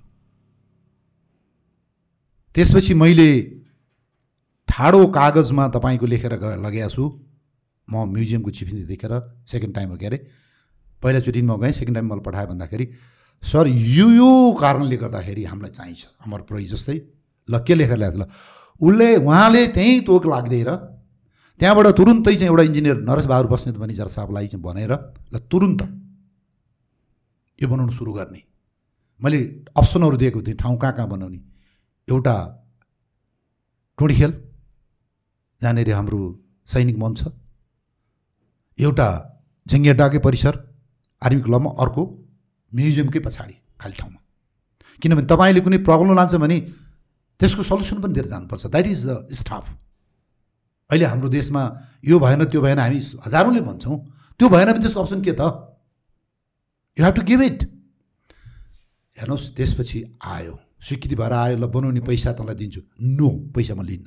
I don't have that idea यो चाहिँ विकास निर्माण निर्देशनालयले नै बनाउनुपर्छ भनेर त्यसपछि त्यही निर्देशनालयले बनाएर हेर्नुहोस् यो म्युजियम खडा गर्नलाई हो मैले जागिरकै नुनको सुसो गरेर तर मेरो पर्सनल लगानी हेर्नुहोस् दुई लाखभन्दा बढी मेरो व्यक्तिगत तपाईँको सम्पत्ति त्यहाँ परेको छ तर अहिले संसारले हेरेका छन् वीर स्मारक मेरो सपना थियो त्यो पनि मैले लिएर आएँ गराएँ हेर्नुहोस् मैले म्युजियम उद्घाटन गराएको दिनमा अब पारसले गर्ने भने बेलामा उहाँ चाइना जानुभयो त्यो भटट ठुलो मोटरसाइकल ल्याएको थियो नि कताबाट हो? त्यतिखेर होला। अनि कृतिनिधि विष्ट हुनुहुन्थ्यो। के हो त्यो? अब दुईवटा थिए। तुलसीगिरी र कृतिनिधि विष्ट केन्द्र सरकारको पालाका दुईवटा प्रधानमन्त्री हुन् कि? के अब थिए दुईवटा ठुल्ठुला मन्त्रीहरू? उहाँले आएर उद्घाटन गर्दा nobody said me thank you बुझ्नुहुन्छ? किनभने म कसैको मान्छे थिइनँ। त्यत्रो काम गरेँ मैले राति बाह्र एक बज्दाखेरि। त्यहाँ एउटा जमदार साहब हुनुहुन्थ्यो कृष्णबहादुर श्रेष्ठ भन्ने। त्यो मान्छेले नसुति नसुतिकन त्यहाँ हर्कबहादुर भन्ने एकजना सुब्दार साहब हुनुहुन्थ्यो। अब तिनीहरू अब भनौँ न यी लगायत त्यहाँ यति तिनीहरूको यति कन्ट्रिब्युसन छ तिनीहरूको हेर्नुहोस्। अनि प्रोफेसर तुलसीराम वैदे उहाँ मेरो सल्लाहकारको मैले मागेको थिएँ भन्दा। यो खडा गऱ्यो हेर्नुहोस्। कसैले थ्याङ्क यू भने कसैले ल ठिकै छ। तर त्यो म्युजियम अहिले पनि हाँसिरहेको छ। त्यो स्मारक हाँसिरहेको छ। अब मैले किन तपाईँको कुरा डाइभर्ट गरेँ भन्दाखेरि सैनिक इतिहास सैनिक इतिहास छैन नेपालमा। एकदम अब्जेक्टिभ हुन्छ यो। सैनिक इतिहास कसरी लेखिन्छ भने यस अर नो मलाई यो थियो। यो थिएन। हाम्रो यस्तो हुन्छ संसारको भाषा। यस्तो भएर यस्तो हुन सक्लान् त्यो गर्लान् त्यो ऊ त्यस्तो नेभर नेभर नेभर हेर्नुहोस् हाम्रो पोलिटिकल हिस्ट्रीले नालापानीको लडाइँलाई त्यत्तिकै हाम्रो नाटक बनाइदिएको छ। तपाईँको मलाउको लडाइँले त्यस्तै बनाइदियो। अरू थुप्रै लडाइँलाई बनाइ अर्को दुःखको कुरा हेर्नुहोस् अङ्ग्रेज कस्तो बाठो छ। हाम्रो इतिहासहरू इतिहासकारहरू जो अहिले कतिका तपाईँका मुखदर्शक छन् किन भन्नुहोस् न? ब्रिटिसलाई जहाँ जहाँ हामीले ठोक्यौँ जहाँ जहाँ हराइयो। तिनीहरूको बारेमा एउटा शब्द लेख्दैन हेर्नुहोस् त त्यो इतिहास लेख्दैन उसले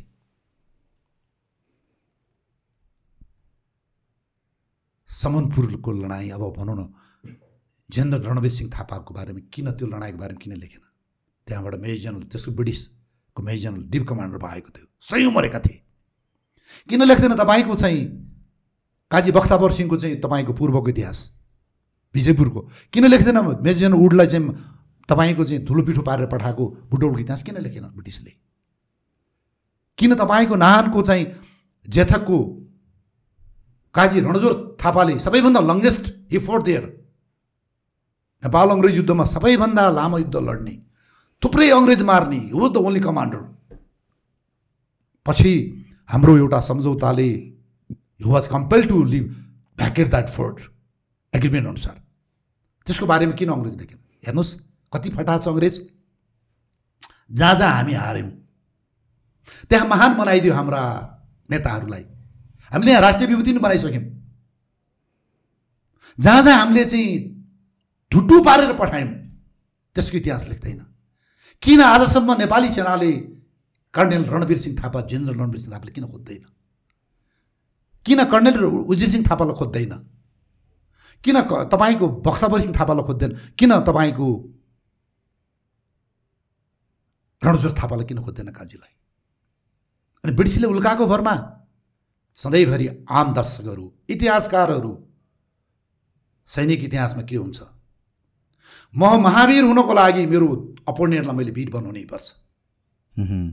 जसरी तपाईँले सिनेमामा देख्नुहुन्छ त्यो हिरोलाई पिट्छन् पिट्छन् पिट्छन्। अब त हिरो मऱ्यो मऱ्यो मऱ्यो त्यो कहानी देखाउँछ नि। हिरोलाई महावीर बनाउनुको लागि।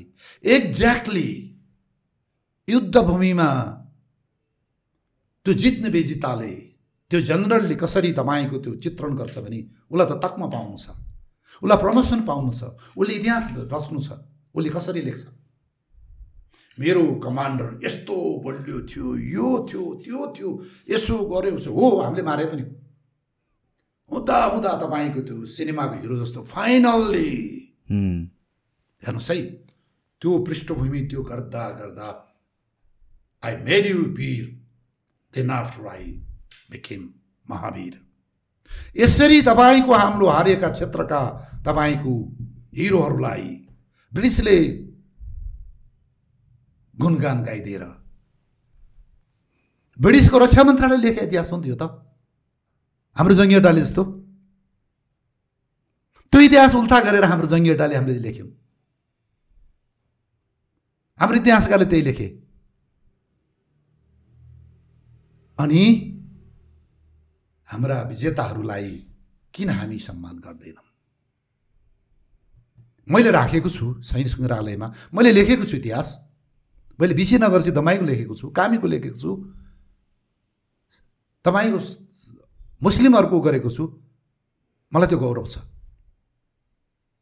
एउटा सकेसम्म मैले समावेशी चरित्रको बनाएर आएको छु मैले खोजेर एउटा व्यक्तिगत प्रयासबाट। तर अहिले पनि नेपाली सेनाहरूले हामीलाई पत्याउँदैन। किनभने म मेरो म चार तारी जर्नेल होइन म म एक तारी जर्नेल मात्रै हुँ। मेरो पढाइ उनीहरूको लागि के पनि होइन। त्यही सिभिलियन तपाईँको इतिहासकारले ल्याउँछन्। यो उन्चास सालदेखिका अहिले त्यही छन् एउटा तपाईँका लालमरियाहरू त्यहाँ। एउटै एउटै कुरो अनि केही खोज्दैन। चार भन्छ कोही तपाईँको काट्दैन। त्यसमाथि मलाई केही पनि तपाईँको ऊ छैन। इट्स आर्मी अगेन हामीसँग जाउँ न। हामी मार्गदर्शक। I will be become the guide म युद्धस्थलको भ्रमणमा गराइदिन्छु म ब्रिफ गरिदिन्छु। डकुमेन्ट मसँग छ। म देखाइदिन्छु। नेपाल अङ्ग्रेजीमा कक्कले बिट्रे गरेँ? आई हेभ द डकुमेन्ट्स होइन? भन्दाखेरि अब हाम्रो नेपाल यस्तो छ हेर्नुहोस्। अब हाम्रो धेरै वीरताका कुराहरू जनताको इतिहास। मैले त सैनिक पाटो मात्रै भने। यत्तिकै वीर राजनीतिमा होला।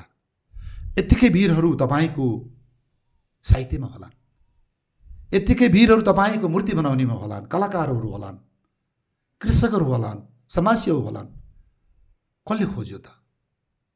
होइन त? नेता हुन्छौँ हामी बाउ र आमाको मात्रै शालिकले चाहिँ तपाईँको रत्नपारदेखि सबै चा चार व्यञ्जन भए बाउ आमाको मात्रै शालिक राख्छन् नेताहरू होइन? यो वीर त्यो वीर। के त? त्यो उत्तम कृषकको हामीले शालिक राख्न मिल्दैन इतिहास राख्न मिल्दैन। तपाईँको उत्तम तपाईँको मूर्तिकारको मिल्दैन। त्यो सेनाको त्यो कहाँ छ त शालिक? किन नेपाली सेनाले कोहीसक्यो पनि शालिक राख्न खोज्दैन? किन? वाइ बेलायतमा हेर्नुहोस् गल्ली गल्लीमा छ। वरियरहरूको। अमेरिकामा गल्ली गल्लीमा छ। इन्डियामा त गाउँ गाउँमा छ। मैले त गाउँ गाउँमा देखेँ। एउटा सिपाही कारगिलमा मऱ्यो भने त्यहाँको गाउँपालिकाले शालिक बनाएर तपाईँको जय बनाएर राखे। हो। मैले अहिले तपाईँको मिलिट्री हिस्ट्रीको मात्रै ब्राकेटिङ गरेर यिनीहरूको मात्रै कुरा गरेको छु नि त। होइन र? सबै छन् त्यहाँ महान गर्ने भन्दाखेरि अब यसरी हामीले इतिहासलाई गाली गर्ने कुरा रहेन। चाहे नालापानीको युद्धको कमान्डर बलभद्र कुँवर राई उहाँको टिम त्यहाँ बहादुर थिए। मलाउको भक्ति थापा टिम बहादुर थिए न डाउट तर अब हाम्रो पालो इतिहास पुनर्लेखन गर्ने हो। मैले त गरेको छु। तैँले किन गरे मैले त गरेको छु। सैनिक इतिहास र नेपालको इतिहासमा तपाईँको एउटा के भन्ने क्रान्ति ल्याउने नै सायद म आफू भन्न सक्छु। प्रमाणसहित हिस्ट्रीमै मिलिट्री हिस्ट्रीमै पिएचडी गरेर। आई कुड क्लेम इट मसँग आधारहरू छन् म म तपाईँलाई दिन सक्छु यी प्रमाणहरू। अहिले बोलेर हिँडेको छु लेखेर हिँडेको छु।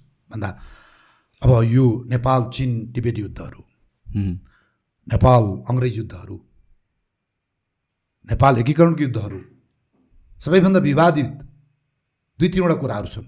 नेपालभित्रका। किर्तिपुरको जनताको पृथ्वीनारायण शाहले नाक काटेका कुरा के थिए? यसलाई किर्तिपुरेहरू त्यो पक्षमा राख्ने स्कलर लाग्ने स्कलरहरू होइन भन्ने स्कलरहरू किन गभर्मेन्टले राख्दैन? के थियो त त्यतिखेर? मल्ल राजाहरूको त्यतिखेर के थियो त? किन छाला काट्थ्यो त? सैनिकको त्यो काशीराम थापा के थापा भन्नेलाई जयप्रकाश मल्लले त केही अगाडि छाला काटेकै हो नि त। किन त्यो हनुमान ढोकाको कालभैरव अगाडि लगेर हातलाई हात काट्ने आँखा आँखा झिन किन गरिन्थ्यो? किन भारतमा तपाईँको नाक काट्ने चलन थियो? किन चाइनामा थियो? किन टिबेटमा थियो? किन फ्रान्समा थियो? किन संसारभरि थियो? What was the reason that was the customary laws के को लागि त्यो? त्यो तपाईँका बिट्रेयरहरूलाई नाक काटिन्थ्यो कान काटिन्थ्यो। नेपालको इतिहासको सैनिक इतिहासको कुरा गर्नुहुन्छ भने पृथ्वीनारायण शाहको मलाई लाग्छ अठार सय कति हो यो? किर्तिपुरको लडाइँको जितेको अठार सय चौध सोह्र? मैले सरी बिर्सेँ है। तर अठार सय बहत्तर विक्रम सम्बन्धमा बडाकाजी अमरसिंह थापाले मलाउमा नेपाली सेनाको नाक्कान काटेको प्रमाण मसँग छ। द्याट वाज कस्टमरी लस उन्नाइस सय एघार सालमा भएको अन्तिम नेपाल भोटयुद्धमा जङ्गबहादुरको पालामा केरुङगढीमा भागेका सिपाही पिपाहरूको नाक्कान काटेको डकुमेन्ट मसँग छ। उतिखेर नामर्दहरूको बिट्रेडहरूको नाकान काटिन्थ्यो। तपाईँको दुश्मनलाई मार्न त एक गोलीमा मरिहाल्छ काटिहाल्छ किन नाक काट्नु पर्यो बेकार? समाजमा त्यो देखाउनलाई यो यो एउटा धोकाबाज हो। एउटा लाछी हो। केटीहरूको त नाक काट्थ्यो नि त। समाजमा ए नाक काटौलिस भन्थ्यो नि त। तिन पहिले भन्दा बढी भएपछि होइन? अहिले किन तपाईँको अफगानिस्तानमा किन नाक काटिन्छ सरिया लजमा? अदालतले पाकिस्तानमा किन तपाईँ नाक काट्नलाई अस्ति मात्र आदेश दिइरहेछ? हो अहिलेको मानवाधिकारको जमाना ट्वेन्टी फर्स्ट सेन्चुरी। यो अपराध हो but you talk about the contemporary customary laws मैले त तपाईँको त्यतिखेरको सबै त्यो देशको गुगलमा हेरेँ। मैले मल्ल राजाहरूको हेरेँ। काठमाडौँको कति मारेका छन्। हो नि त। कुनै आधारमा विगत पाइँदैन नि त। अर्को कुरा अब हामी नेपाल अङ्ग्रेज युद्धबाट भित्र छिर्यौँ। यो तामाङहरूको राजा थिए अहिलेको। मैले योभन्दा अगाडि बिर्सिनु भोलि जस्तो लाग्छ मलाई यो काभ्रेको कोट तिमाल अथवा तिमाल कोट भनिन्छ। ए नेपाल एकीकरण पृथ्वीनारायण शाहले मितलाउँछु भनेर त्यहाँको रिन्जिङ दोर्जेलाई खोलामा लगेर तरबारले काटेर मारे भएर त्यो त्यो के शेर्पादेखि लिएर तामाङहरू यो माओवादीहरूको कुरा बोल्छ हेर्नुहोस् है। पृथ्वीनारायण शाहले मारे त्यहाँको रिन्जिङ दोर्जे राजा रे। यो शत प्रतिशत झुट छ। किन हाम्रो नेपालका गभर्मेन्टहरू किन किन यही माओवादी युद्धहरूले जन्माएका कुराहरू यिनीहरू मैले त खोजेँ। नेपाल पृथ्वीनारायण शाहको एकीकरण अगाडि त्यो मकवानपुरको राजा दिग्बन्धन सेनको राज्य रहेछ हेर्नुहोस्। तिमालकोट तलतिर सिन्धुली रामेछाप यी लगायतहरू। अठार सय उन्नाइस विक्रम सम्बतमा उन्नाइस बिसतिर। तिम तपाईँको दिग्बन्धन सेनले दिएका डकुमेन्टहरू रेन्दिङ दोर्जेलाई मिजार दिने दर्जा दिएको छ। अब किन हो थाहा छैन उतिखेर राई लिम्बूहरूलाई सुब्बा राय भनेको दर्जा दिएको छ। तराईका थारूहरूलाई चौधरी दर्जा दिएको छ।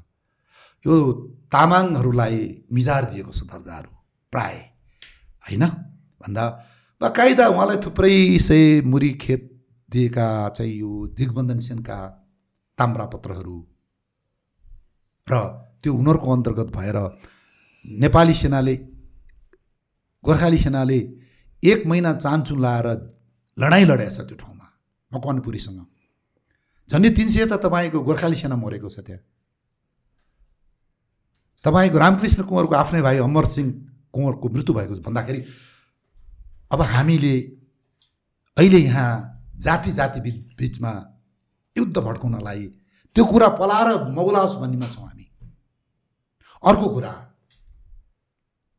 लिम्बुवान क्षेत्र त्यो छुट्टै राजाहरू थिए राज्य थियो भनेर अहिले पल्लो किराँत चाहिँ स्वतन्त्र के थियो उयो थियो भनेर हामी यहाँ पृथ्वीनारायण शाहलाई गोर्खालाई खुब गाली गर्छौँ। प्रमाणको साथ मैले बोलेको छु मैले प्रमाण दिएको छु। तपाईँको अरुण नदीदेखि पूर्व पृथ्वीनारायण शाहले त्यहाँ हमला गर्नु अगाडि सिक्किमको राज्य थियो त्यो। लिम्बुवान क्षेत्र सिक्किमले दिएको नाम हो। अहिलेको तपाईँको त्यो सभाको चैनपुर उनीहरूको आर्मी राख्ने ठाउँ प्रशासन केन्द्र थियो। सिक्किमको इतिहास हेर्नुहोस्। सिक्किमको त्यतिखेरको मानचित्र हेर्नुहोस्।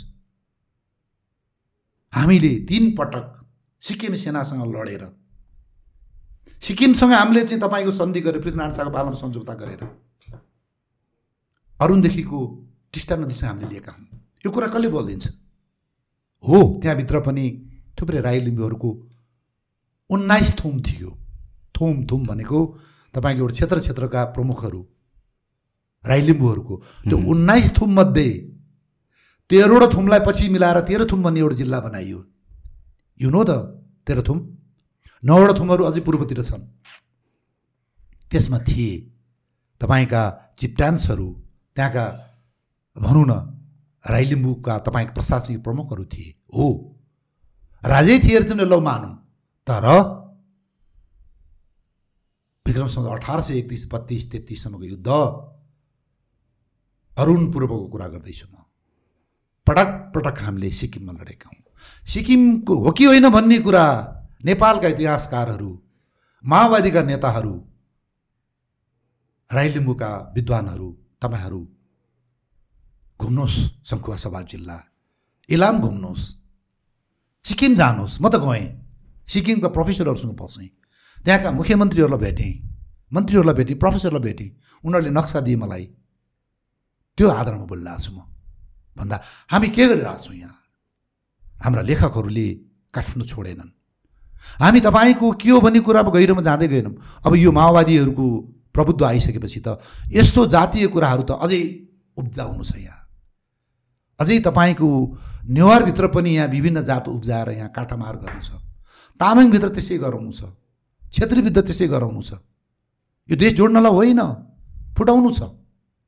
तर ठुलो ठुलो हेर्नेहरू यहाँका संस्कृतिविदहरू एन्थ्रोपोलोजिस्टहरू इतिहासकारहरू यिनीहरू त सरस्वतीका तपाईँका चेला हुन् नि त। यिनीहरूको मुखमा तपाईँका दही जमाउँदाखेरि हामी कहाँ जातीय क्षेत्रीय विभेदकारी इतिहासले हामी एकदम यहाँ फस्टाइरहेका छौँ। हामीले ती तपाईँका चाहिँ प्राज्ञिक नैतिकता हामीले गुमाइरहेका छौँ। हेर्नुहोस् त्यो भएको हुनाले मैले नेपाल अङ्ग्रेजी युद्धको कुरा गरेँ त्यो भित्रका मैले छिनोफानो गर्नुपर्ने कुरा गरेँ मैले किर्तिपुरको नाकाटीको कुरा के थियो? तिमालकोटमा राजा थिए कि थिएनन्? तामाङका राजा त्यहाँ त्यसपछि गएर तपाईँको लिम्बुवान कसको थियो त्यो त्यतिखेर? छिनोफानो गरौँ न। इतिहासको प्रमाणहरू छन् नि त। अनि यहाँ चाहिँ भोट लिनको लागि र यहाँ भिसी हुनलाई डिरेक्टर हुनलाई डिन हुनलाई झोले हुनलाई हाम्रा प्रोफेसरहरू बोल्दैनन्। राजदूत हुनलाई बोल्दैनन्। अझ घिउ थपिदिन्छन् यिनीहरूले।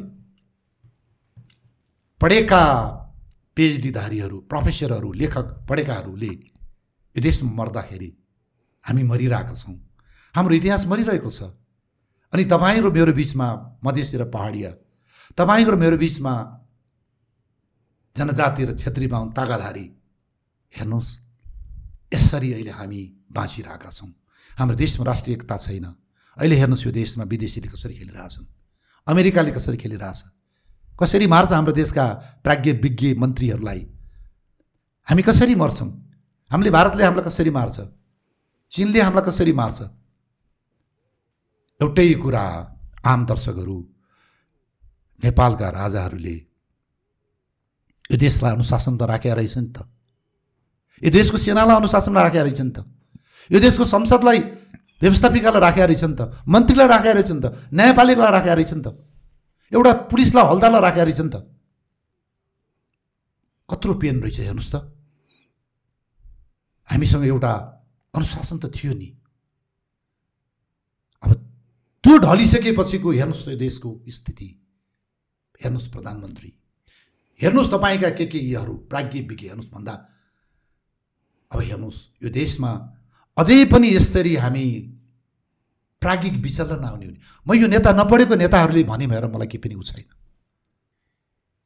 तर यी झोला बोकेर हुने भाइस चान्सलरहरू राजनीतिक दलका प्रचण्डजीका खुट्टा मालिस गर्नेहरू केपी ओलीका खुट्टा मालिस गर्नेहरू शेरबार दुवाका खुट्टा मालिस गर्ने यी लगायतका मालिस गर्नेहरू यिनीहरूले जति तपाईँको देशलाई मारिरहेका छन् पिएचडी डक्टरहरू। हेर्नुहोस् हामी त्यही भएर हामी जिउँदै मरिरहेका छौँ। यो देश मार्ने पढे लेखाहरूले हो हेर्नुहोस् त्यो नपढेका जनताले केही पनि मारेका छैनन्। यिनीहरू दौडेका छन् खाडीमा मलेसियामा के अरे मलेसियामा। लास आइरहेछ तिनीहरूको जो देशलाई माया गर्छन्। जुम्ला हुम्लामा अहिले पनि रोड खाएर बसिरहेछन्। जसले नेपाल भन्छ। भन्दा यो कारणले गर्दा मैले भन्छु होलिस्टिक एप्रोचमा नेपालको सैनिक इतिहास नेपालको धार्मिक इतिहास राजनीतिक इतिहास कृषिको इतिहास साहित्यिक इतिहास हरेक इतिहास कलाको इतिहास डिप्लोमेटिक इतिहास लेखौँ न। तपाईँ हामीसँग कति जातिहरू छन्? एक सय बिस बाइस जाति छन्? राखौँ न सबैलाई। उनीहरूले जाने सुनि जाने देखि जानेको र लेखी जानेको इतिहास सङ्कलन गरौँ न। सबैलाई खोजौँ न। एउटा हामीले चाहिँ माला बनाऊ न। के गाह्रो छ? राज्यले चाहँदैन। किन भन्दा तपाईँलाई मेरो घर फुटाएर समाज फुटाएर हाम्रो जातको नाममा क्षेत्रको नाममा हामीलाई भोट चाहिएको छ हेर्नुहोस्। र मैले फेरि पनि तपाईँलाई भने नेताको खुट्टा मालिस गरेर हामी भाइस चान्सलर प्रोफेसर डिन हुन परेको छ हेर्नुहोस्। नेपाली त्रिभुवन विश्वविद्यालयमा एउटा प्रोफेसर जो गिरिजा प्रसाद कोइरालाको खुट्टा मोलेर सल्लाहकार भए पहिलाचोटि प्रधानमन्त्री हुँदा मलाई लाग्छ सत्तालिस अडचालिस कहिले हो। तिनीले पिएचडी नगरिकन तिनलाई प्राध्यापक दिनु पर्दाखेरि अहिले ठुला मान्छे भएर ए उनी चाहिँ टेलिभिजनमा पत्रिकाको हिरो छन्।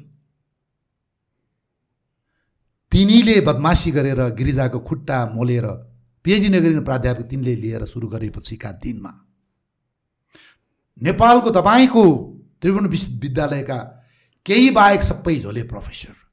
पढ्दै नपढेको एक लाइन तपाईँको आर्टिकल नलेखिने सबै प्रोफेसर। पिएचडी त विदेशमा पिएचडी नगरिकन यु क्यानट गेट प्रोफेसरसिप कुरा भन्नुहुन्छ भन्दा अब कसलाई हामीले दोष दिने? यिनै झोलेहरूले सल्लाहकार हुन पुग्छन्। यिनै झोलेहरूले तपाईँको युनिभर्सिटी मार्छन्। स्कुल मार्छन् भन्दा अब यो चिजहरू कसैले त बोलिदिनु पर्छ? होइन र? मैले बोलेका कुराहरू म प्रमाण दिन्छु। जे पनि मैले बोलेका कुराहरू प्रमाण दिन्छु। मैले फेरि पनि भने मेरा स्वर्गीय पिता मातालाई सम्झन्छु म। मेरा कुलदेवता सम्झन्छु म। म म धरती माता सम्झन्छु। म झुटो कुरा बोल्दिनँ। मलाई परेको छैन। त्यो भएको हुनाले मेरा मैले जानेका कुराहरू यिनै राखेँ।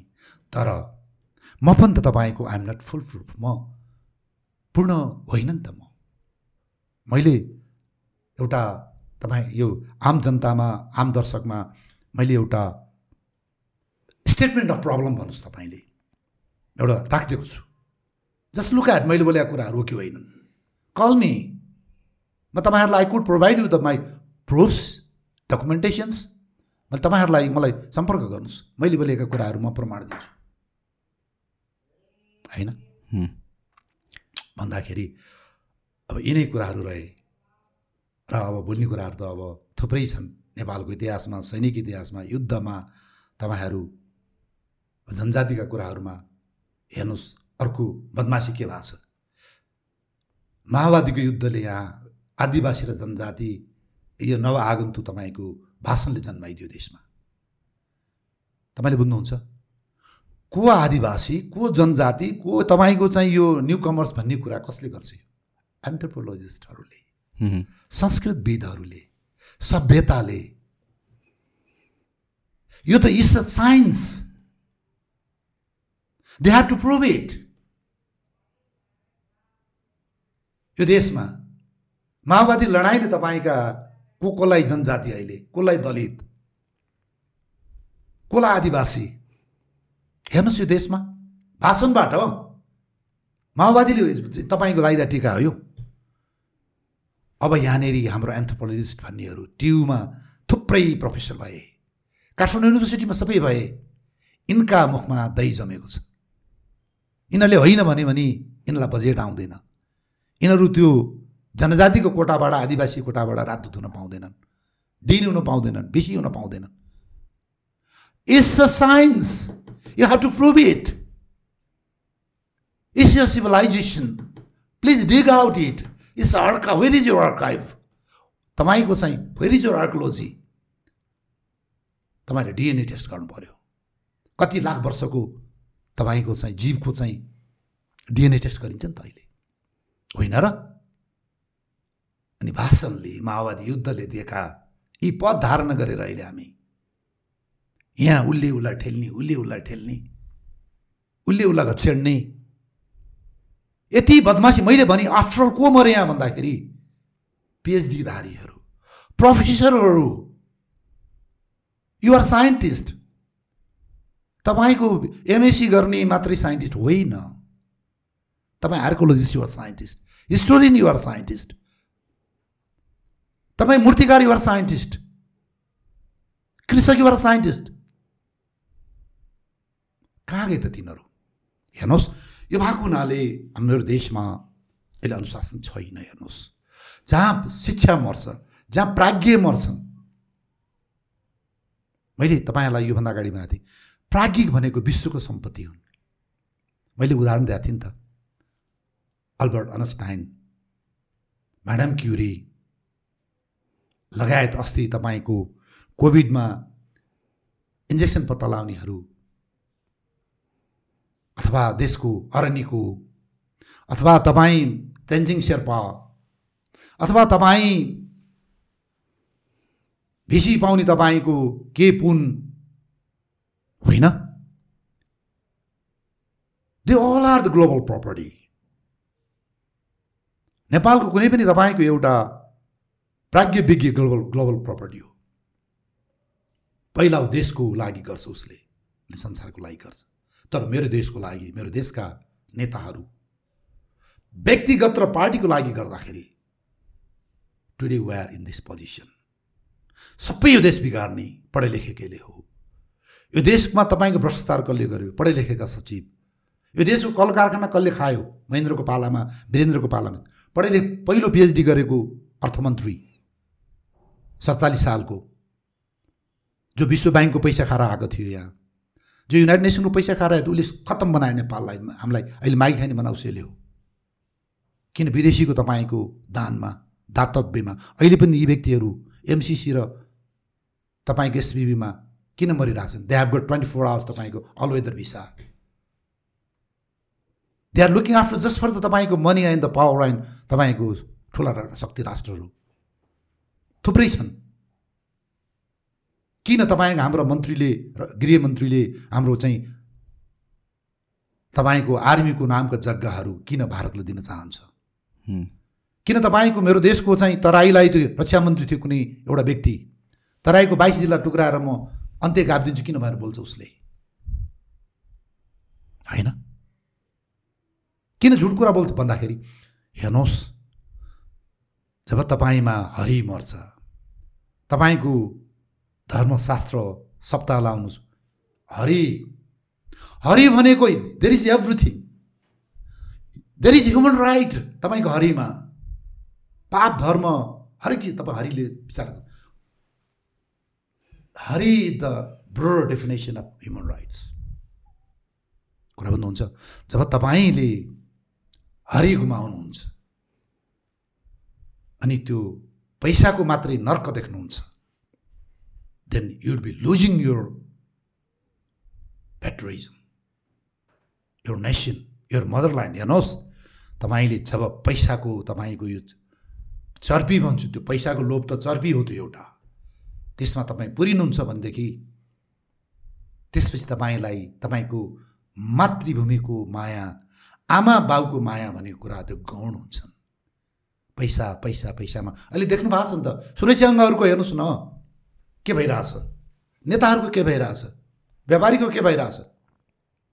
भन्दाखेरि देशको स्थिति इट्स आउटकम फेरि पनि तपाईँलाई फाइनल्ली भने यस तपाईँको एउटा कन्क्लुजनमा पढे लेखेका पिएचडी होल्डरहरू मास्टर डिग्रीहरू यिनीहरू कर्मचारी पनि छन् नेता पनि छन् प्रोफेसर पनि छन्। यिनीहरूले देश मारे। यिनीहरू जिउँदै मरे केही केही बाहेक। त्यो भएर नेपाल मर्दैछ। यो देश ल्याप्चे लाउनेहरूले जोडेका हुन्। ल्याप्चे लाउनेहरूले अङ्ग्रेजसँग लडेका हुन्। अहिले जस्तो भए त अङ्ग्रेजलाई त सुरु काठमाडौँ ल्याउने रहेछन् अहिले त पिएचडी गर्ने। साथ पृथ्वीनारायण शाहले बिए मात्रै पास गरे भए पनि सायद यस्तै घुस मात्रै खान्थे कि। अमरसिंह थापाले त्यही गर्थे कि। अहिलेका जस्ता पिएचडी गर्ने भए भए। हेर्नुहोस्। तपाईँको देशमा पढे लेखेर र संस्कारले नहुने व्यक्तिहरूले देश कहिले सर सप्रदैन तपाईँसँग संस्कार हुनुपर्छ। माया हुनुपर्छ। यो देश आफै तपाईँको एउटा it has got the capacity to serve the people तपाईँ कन्दमूल खुवाएर पनि बचाउन सक्ने यो देशको शक्ति छ। खेतीपाती छ। पानी छ यहाँ। फलफुल छ यहाँ। यो मरुभूमि होइन यो। तपाईँको इजरायल होइन यो। जहाँ ढुङ्गामाथि माटो थुपारेर खेती लाउनु पर्ने देश होइन यो। तर हामीले यो पैसाको चर्पीमा पुरिनेहरूले गर्दा हेर्नुहोस् अहिले यो देश के भइरहेछ यो मेरो तपाईँको is night not my emotional saying किन भन्नुहुन्छ भने मैले पनि तिन कालदेखि पञ्चायत कालदेखि तपाईँको डेमोक्रेसी काल पनि देखेँ त्यसपछि के के तन्त्र गणतन्त्र पनि देखेँ मैले कृतिनिधि विष्ट पनि देखेँ मैले आएर यो प्रचण्ड जस्तो पनि देखेँ शेर देउबा सुन देखेँ मैले। शेरबहाद देउबाज्यू भन्नु पऱ्यो प्रधानमन्त्रीलाई। होइन? अब मैले के देख्ने? त्यही सेनामा पनि मैले देख्छु अहिले। मैले राजाको सिन्दुर टाउकोमा हाल्ने भन्थ्यो त्यतिखेर त्यतिखेरको साई नेपाली सेनाको एउटा तपाईँको देश प्रेम एउटा झिल। एउटा तपाईँको एउटा सोल्डरसिप मैले देखेँ। त्यसपछि गणतन्त्रको पनि मैले देखिरहेको छु।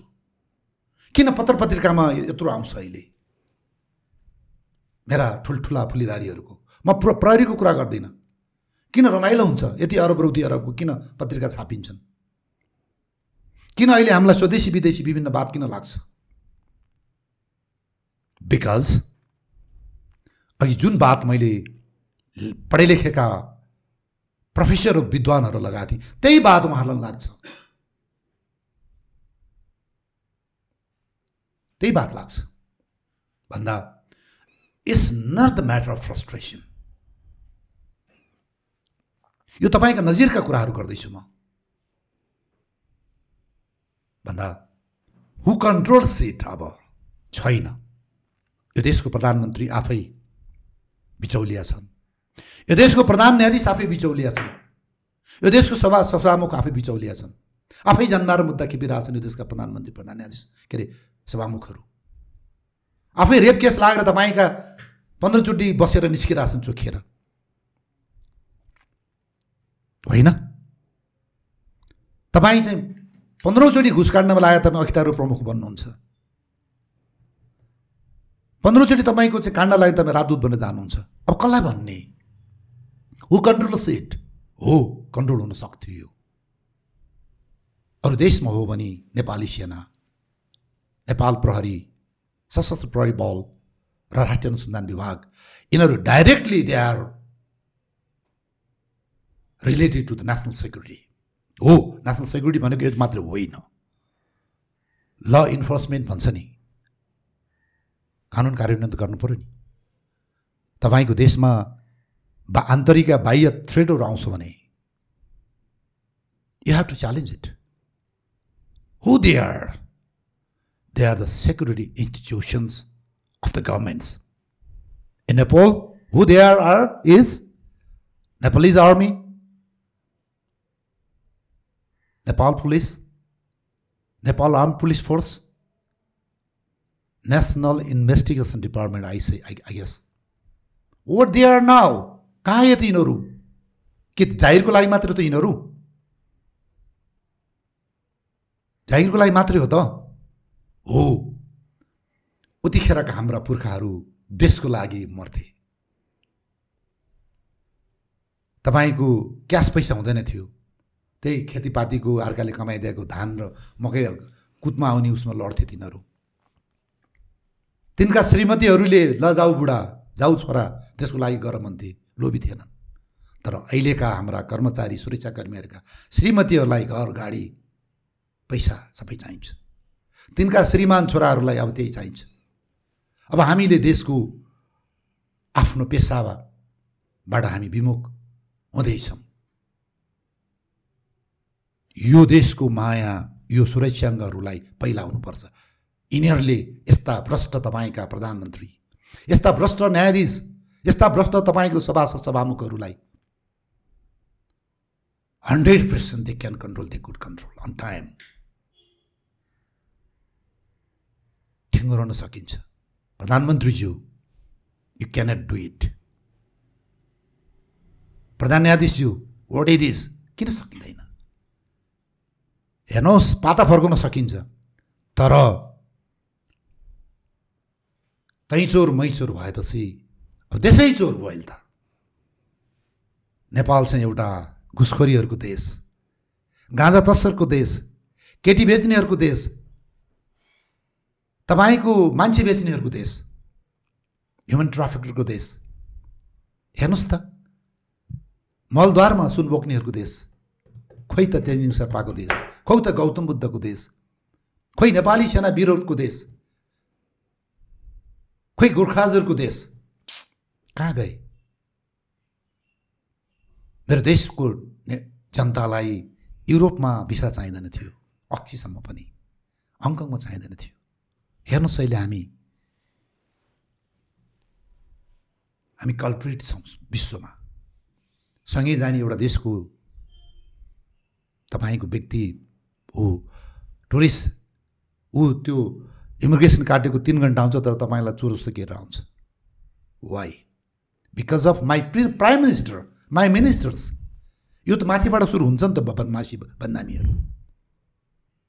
हो यसले गर्दाखेरि जब यो देशमा पिएचडी गर्नेहरू धेरै पढे लेखेका सुरक्षाङ्गाकाहरू ठुलाफुली लाउनेहरू प्रधानमन्त्रीहरूले जब जब यो देशमा पैसा मात्र देखे यो देश देखेनन् हाम्रो संसारमा हाम्रो अवमूल्यन यसरी भएको छ हेर्नुहोस्।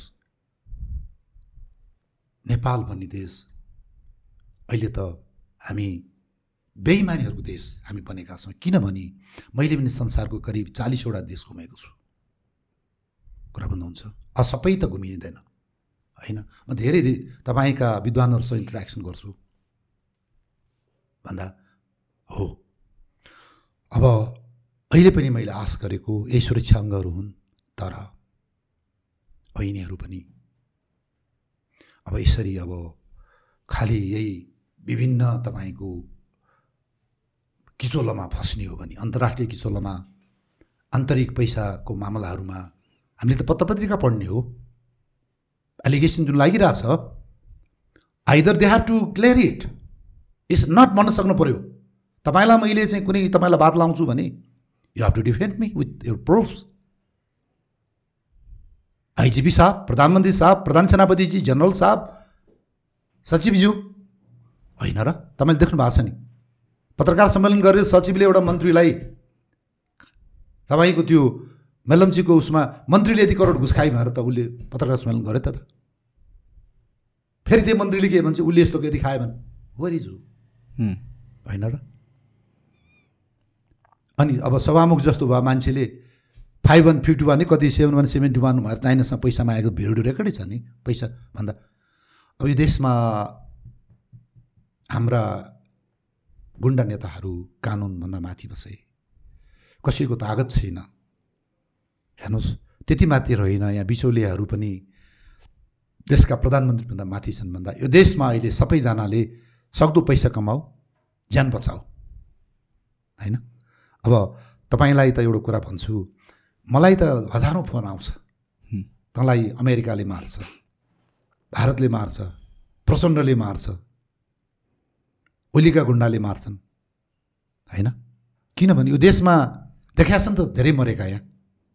होइन र? किन यहाँ सत्य बोल्ने मान्छेलाई त तपाईँको थ्रेड छ नि? हो। यहाँ देशका हाम्रा धनीहरूलाई यहाँ बाँच्नु बहुत रहर छ। मोज गर्नु रहर छ यहाँ ठेटाठिटीहरूलाई सत्य कुरा बोल्न यहाँ चाहिँ तपाईँको यहाँ डराउँछन्। कुरा बुझ्नुहुन्छ? उहाँहरूलाई मोज गर्ने पैसा कमाउने र लामोसँग बाँच्नु मन छ यहाँ। यो देशको लागि कालोलाई कालो सेतोलाई सेतो भन्नलाई यहाँ थुरथुर काम छन् यहाँ। यसरी कमाउने वातावरण कसले बनायो?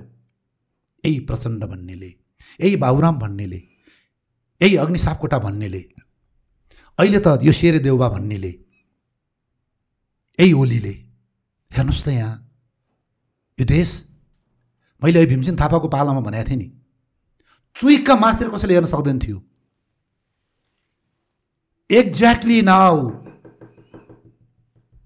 it's a matter of life and death if somebody talks against you you guys हेर्नुहोस् कस्तो देश छ अहिले पुलिस मान्छे माऱ्यो भने जारी लिँदैन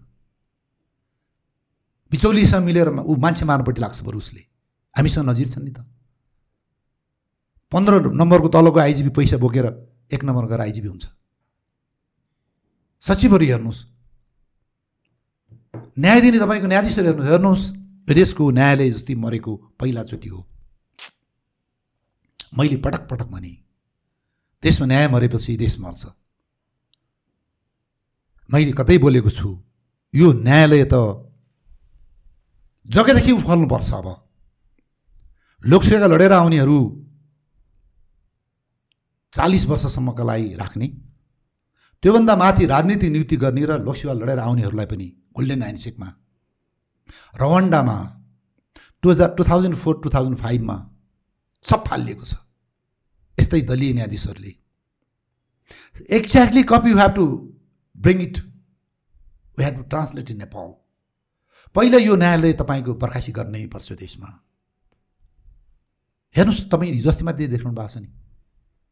अर्को कुरा यो संवैधानिक आयोगहरू जुन गिरिजालाई खुसी पारेर शेरबहादुर देवालाई खुसी पारेर नेपाली काङ्ग्रेसको पालामा त्यसपछिका नेतालाई खुसी पारेर रिटायर्ड सचिव सहसचिवहरू तिनीहरू बालमा हुँदा नि अकुत सम्पत्ति कमाउने। पार्टीको झोले बोक्ने। अब तिनीहरू नै तपाईँको निर्वाचन आयोगमा उनीहरू नै तपाईँको प्रमुख आयुक्त तिनीहरू बन्नुपर्ने। तिनीहरू तपाईँको निर्वाचन आयुक्त बन्नुपर्ने। अखिदार दुरुपयोगमा तिनीहरू नै प्रमुख हुनुपर्ने। विभिन्न आयोगमा तिन हेर्नुहोस् यो सिस्टम तुरुन्त खारेज हुनुपर्छ। यी भ्रष्टाचारीहरू पार्टीका झोलेहरू त्यहाँ हेर्नुहोस् यिनीहरू बर्बाद गरेका। त्यो के अरे आयुधि प्रसाद के भन्ने त्यो एउटा निर्वाचन आयुक्त थियो प्रमुख आयुक्त माओवादीले बनाएको डक्टर आयुधि प्रसाद भन्ने। प्रचण्डको छोरीलाई जिताउनलाई भरतपुरमा लास्ट टाइममा मत च्यादिँदाखेरि त्यसले तिनले माओवादीको पक्षमा उसले फैसला गरेको छ। हाम्रो न्यायालयहरू हेर्नुहोस्। यो सबै खारेज गरेर वाइ नट के तपाईँको बिएएमए गरेर आउने फ्री कम्पिटिसन आउने तपाईँको युवाले अखितारमा नियम कानुनसार चल्न सक्दैन उसले। के निर्वाचन आयोग चल्न सक्दैन उसले? के अरू आयोग चल्न सक्दैन उसले? हेर्नुहोस्। यति बदमासी गरेको छ यिनीहरूले चाहिँ त्यतिखेरका गिरिजादेखि लिएर मन्त्रीहरूलाई घुस खुवाएर। यिनीहरूको रिटायरमेन्टपछि कि यिनीहरू एनजिओमा जाने आइएनजिओमा जाने? देशका इन्फर्मेसन बेच्ने। देश बेच्ने यिनीहरू कि तपाईँको यो आयोगहरूमा जाने? जुन यो बाटो अहिलेसम्म यिनीहरू लागिरहेछ यो तुरुन्त हेर्नुहोस् यदि अध्यादेश लिएर खारेज गर्नुपर्छ। Let start from the competition यत्र पढेका युवाहरू छन् वाइ नट तपाईँ चालिस वर्ष ननागेको एमए पास गरेको पिएचडी गरेको कल्पन गर्नुहोस् न त्यो पदको लागि। क्रिमिनोलोजीमा गर्ने। अब एन्टी करप्सन अहिले खोइ खोलिरहेछ गर्नेहरूलाई। वाइ डन्ट यु कलपन। यो तपाईँको यो अखिदार दूर मैले हरेक कुराको भन्दैछु। के त युवा जति मारेर युवालाई चाहिँ तपाईँको खाडी पठाएर विदेश पठाएर यही रिटायर्डहरू चाहिँ विभिन्न उमेरसम्म यिनीहरू खाएर बस्ने? कसरी मरेको छ मेरो देश? ल हेर्नुहोस् त। भन्दा अब यो कुरा गरेर कुरा साध्य हुँदैन। हेर्नुहोस् मैले फेरि पनि भने त्यो भएर मैले चारवटा मास्टर्स एउटा पिएचडी गरेर पनि म त्यो त्यस्तो मान्छे म नदेखिनुको कारण म यही नै हो। म अहिले पनि तपाईँको म कालोलाई कालो सेतोलाई सेतो भनिरहेको छु। हो मलाई धेरैले मैले भनिसकेँ भन्छन्। त पिएचडी गरेर अहिले भाषा चयन गरेर शब्द चयन गरेर मैले भन्छु। म भीमरावलाई सम्मानिने मानिने म भन्न तयार छु। कुरा बुझ्नुहुन्छ?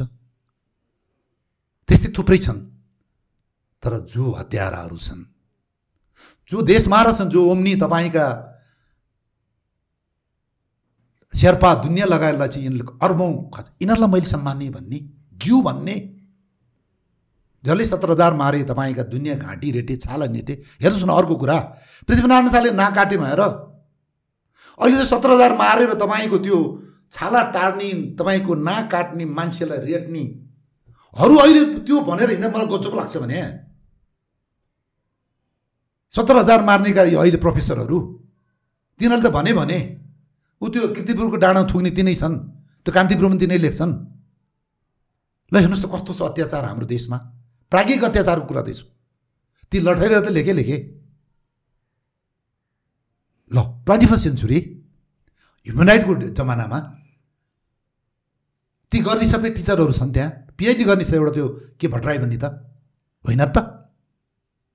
अनि? हेर्नुहोस् पक्षपात भन्ने कुरा कसैलाई पनि गर्नु हुँदैन। देशको इतिहास कालो गोरो खैरो सबै हुन्छ। मैले फेरि भने कालो भनेको सायद त्यतिखेरको जमानाले नपचा अहिले नपचाउने होला। सेतु गुड हिस्ट्री खैरो भनेको it's a gay grey areas not confirm neither it relates to the grey के अरे black side not white side that needs to be more research अझै बढी तपाईँको सोधखोज गर्नुभयो भन्दाखेरि अब मैले धेरै बोलेँ र यिनै रहे र नेपाल अङ्ग्रेज युद्धमा नेपाल टिबेट चिन युद्धमा नेपाल एकीकरण युद्धमा आन्तरिक लडाइँहरू छन्। माओवादी युद्धको बारेमा बोल्नु छ धेरै। हामीले खम्पा काण्डको बारेमा बोल्नु छ धेरै। ओखलढुङ्गा काण्ड भन्ने छ नेपाली काङ्ग्रेसले त्यसलाई विजय जय मनाउँछ। त्यो विषयमा बोल्नुपर्छ के हो त्यो भन्ने कुरा। हामीले तपाईँको बजाङ काण्डमा बोल्नु छ। होइन? मुस्लिम र हिन्दूहरूको दङ्गा छ अठाइस सालको चाहिँ यो रौतहटमा। यी चिजहरू किन नेपालले इतिहास पढाउँदैन अब?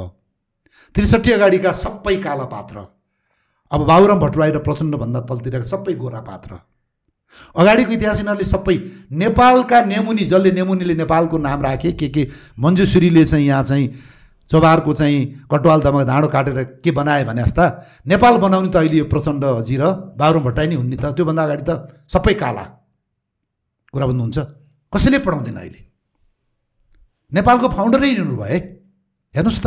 हो अब कति मान्छेलाई त्रिसठी पछि जन्मिने त्योभन्दा अगाडि अठार बिस वर्ष हुनेलाई त नेपालको इतिहास थाहा नै छैन पढाइँदैन भन्दा तपाईँको इतिहास मर्नु भनेको तपाईँको देश मर्नु हो।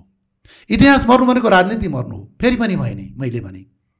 History is the mother of political science I say again I repeat again history is the mother of political science इतिहास भनेको राजनीति शास्त्रको आमा हुन्। तपाईँ देशको इतिहास मारेर तपाईँ के को राजनीति के हुनुहुन्छ? तपाईँलाई देशै थाहा छैन। म अहिले नेपालका थुप्रै राजनीतिकहरू हेर्छु देशका जर्नलहरू देख्छु। तिनीहरूलाई देशको बारेमा थाहा छैन तिनीहरू। इन्टरनेसनल एनालिस्ट रे। पोलिटिकल एनालिस्टले तपाईँले देशै बुझ्नु भएको छैन। तपाईँले बाउले लगाएको दौरा सुरुवाल तपाईँले ढिँडो पिँडो धर्म कर्मको बारेमै तपाईँले you don't know you don't know यो हिस्ट्री ओन हिस्ट्री जुन तपाईँ माटोमा उभिनुहुन्छ त्यसको बारेमा थाहा छैन भने तपाईँ के को अमेरिकाको कुरा गर्नुहुन्छ? के को चाइनाको कुरा गर्नुहुन्छ? के को एमसिसीको कुरा गर्नुहुन्छ? के को तपाईँ इन्टरनेसनल एनालिस्ट के को सुरक्षाविद? हेर्नुहोस्।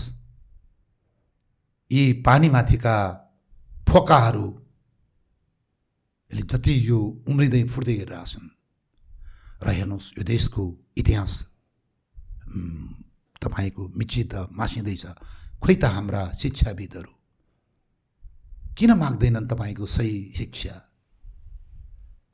शिक्षाको माफिया तपाईँको गुन्डु मन्त्री हुन पुग्छ होइन र? तपाईँको देशमा कर नतिर्ने तपाईँको अन्तर्राष्ट्रिय अहिले तपाईँको खरपति हुने देशको सांसद हुन्छ। तिनैले चाहिँ अहिले अर्थमन्त्रीलाई एउटा सुब्बा छिराएर योजना तपाईँको अर्थको योजना बनाउँछ। हेर्नुहोस् यो देश। होम टु ब्लेम यु भन्दा Nepal is under almost out of out of rule of law तपाईँ कानुनी राज्यभन्दा बाहिर हुनुहुन्छ। कि तपाईँसँग पैसा हुनुपर्छ? तपाईँले न्याय पाउँछु भने तपाईँ आशै नगर्नुहोस्। आशै नगर्नुहोस्। देख्नुहुन्छ? न्याय न्यायाधीशहरूको ताल ठेक्कामा गर्छन् यिनीहरू। जग्गा मुद्दा वकिल र न्यायाधीशको त्यहाँ भाग। मान्छे मारे वकिल र न्यायाधीशको भाग। अब कहाँ जाने त यहाँ राम छैनन् राजा छैनन् रामशाह छैनन् होइन राणाको कालमा बरु सरकार अन्याय भन्दा ए के भयो लमन सुन्थे नि त खोइ त त्यो पनि छैन कहाँ जान्छ त अब भन्दाखेरि अब हामी त we are the retired pensioner तर यो देशका युथहरू जो भ्यालुएबल एसेट हो देशका प्रशस्तै पढे लेखेका छन्। गर्छु भने झिल छ। यिनीहरूलाई मारेर। अनि यिनीहरूलाई सकेसम्म बाहिर पठाएर रेमिटेन्स मात्रै भिराएर लिएर आएर देशमा मोजमस्ती गर्ने प्रधानमन्त्रीले करोडौँ अरबौँ तपाईँको अमेरिकालाई राख्ने स्विजरल्यान्डलाई राख्ने हेर्नुहोस्। मन्त्रीहरूले सचिवहरूले सुरक्षाङ्गकाहरूले अनि जसरी हुन्छ देशै मार्ने अब कसरी विकास गर्ने के गरेर गर्ने कसले राजनीति गर्ने यहाँ? भन्दा अब स्टिल इट इज पोसिबल मेरो देशमा अहिले पनि म सम्झन्छु मैले देखेको सचिव शमशेर राणा जस्ता प्रधान सेनापति जन्मिदिए भने धर्मबल बरसिंह थापा जस्ता चिफ साहबहरू भइदिए भने त्यसपछि गएर अच्युत कृष्ण खरेल जस्ता आइजिपी साहबहरू होइन अरू पनि छन्। तर जसलाई मैले देखेँ अब होइन अब यस्ता व्यक्तिहरूको पुनर्जन्म भयो भने देशको एउटा तपाईँको एउटा कानुनी राज्यको लागि सरकारमालाई हामीले एउटा ट्र्याकमा ल्याउनलाई हामी बाध्य बनाउन सक्छौँ। पल्टाउने भन्ने कुरा होइन। इट्स नट द को भन्दा अब यो चिजहरू तपाईँको चाहिँ अब इतिहास भइसके। मेरो देश आफै मात्रै इतिहास नबनोस्। र देश फेरि बाइ बाइसै चौबिसैमा नटुक्रोस्। हेर्नुहोस्। हामीले किनभने धेरै मैले इतिहास पढेँ। मेरा पुर्खाहरू धेरै मऱ्यो देशमा। बिस तिस वर्ष पैँतिस वर्ष त काटेको छैन कति पुस्ता त। कुरा बुझ्नुहुन्छ? कोही तिब्बतमा मरेका छन् कोही तपाईँको एकीकरण युद्धमा मरेका छन् दुई तिन तिन चारजना कोही तपाईँको टिबेटमा मरे कोही सैनिक विद्रोहमा मरे सबै पैँतिस चालिस वर्षमा काटेको थुप्रै छन् मेरा पुस्ताहरू। हो मलाई पनि के फिल हुन्छ भन्दाखेरि यो देशमा म पनि एउटा अंशियार हुँ है। तपाईँको सहकारी हुन्छ नि। त्यो मलाई मेरो मनको कुरा हो। यस्तो भावना सबैमा आइदिनु पऱ्यो नि त। यो देशको सहकारीको तपाईँको एउटा युआर वान अफ द तपाईँको मेम्बर नि त। सो द्याट म अहिले म एउटा तपाईँको एउटा बदमास उल्लु भएर म कराएर हिँडिरहेको छु सडकमा निस्किरहेको छु तपाईँको म विद्वत भाषामा बोलिरहेको छु अन्तर्राष्ट्रिय फोरमहरूमा गएर बोलिरहेको छु इन्डियन जनरलहरूसँग म बेलायतमा गएर म पौडी चोरी खेलिरहेको छु ब्रिटिसहरूसँग म खेलिरहेको छु तपाईँको चाहिँ पश्चिमा युरोपियनहरूसँग म खेलिरहेको छु नो तिमीहरू युआर रङ भनेर म हिँडिरहेको छु अङ्ग्रेजीमा इन्टरभ्यू दिएर बसिरहेको छु नेपालमा कसले बोल्छ यहाँ अमेरिका त्यसको तपाईँको गल्तीहरू मैले बोलिरहेको छु हो मेरो अङ्ग्रेजी पर्याप्त छैन मैले इन्डियाको तपाईँको एउटा हेजुमेनीको विरुद्धमा बोलिरहेको छु म किन मैले पनि त्यही अरूले खाएको भन्दा थोरै पेन्सन खाएको हुँ मभन्दा धेरै ठुल्ठुलो धेरै फुली लाउने धेरै छन् यहाँ। धेरै जागिर खाने छन् धेरै धनी छन्। चार पाँच पुस्ताहारीमा खाने पनि छन्। हो म पनि बाह्रौँ पुस्तासम्म हाम्रा पनि तपाईँका थिए दस एघार पुस्तासम्म। तर त्यो होइन। सेनामा मात्रै जागिर खाने बहादुर होइनन्। कृषक पनि त्यत्तिकै हुन्। कामी दमै अब अहिले जो सोकल जे भन्छ सबैको त्यत्तिकै योगदान छ। भन्दाखेरि एउटा अवेरनेस हामीले गर्नै पर्छ। मेरो भलाइले सत्ता पल्टिँदैन देशमा। मैले शेरबहादुर देउबालाई प्रधानमन्त्री हटाउन सक्नुला। तर मलाई विश्वास गर्ने मेरा आम दर्शकलाई कुनै मेरा वचनले हुँदैछ मेरा म I could make awareness this is my aim मेरो उद्देश्य भनेको एउटा मेरा सात कुल सम्झेर सात पुस्ता सम्झेर मैले सत्य सत्य मैले बोल्नुपर्छ। यही नै हो मेरो जीवनको उद्देश्य र यसरी नै म सत्य इतिहास बोल्नेछु। यहाँका परिवारहरू कोही कुँवरका परिवार रिसाउने कोही थापा रिसाउने हुँदा हुँदा तपाईँलाई अन्तमा म भन्छु तपाईँको नेपालको पहिलो शहीद लखन थापाको बारेमा अलिकति भन्छु। त्यहाँ मैले सत्य वचन बोल्दाखेरि मलाई तान छन् म नेपाली सेनाको महासेनानी थिएँ। लखन थापा प्रतिष्ठानले मलाई दस हजार रुपियाँ दिएर एउटा कार्यपत्र प्रस्तुत गर्नलाई उ गर्यो। त्यो पैसा मैले संस्थानलाई पछि मैले दिएँ फिर्ता। द्याट वाज एउटा ऊ भनौँ न भन्दा। लगन थापालाई पहिलो सही चाहिँ जङ्गबहादुरलाई मार्न खोज्ने पहिलो व्यक्ति भएर अवार्ड गरिएको छ।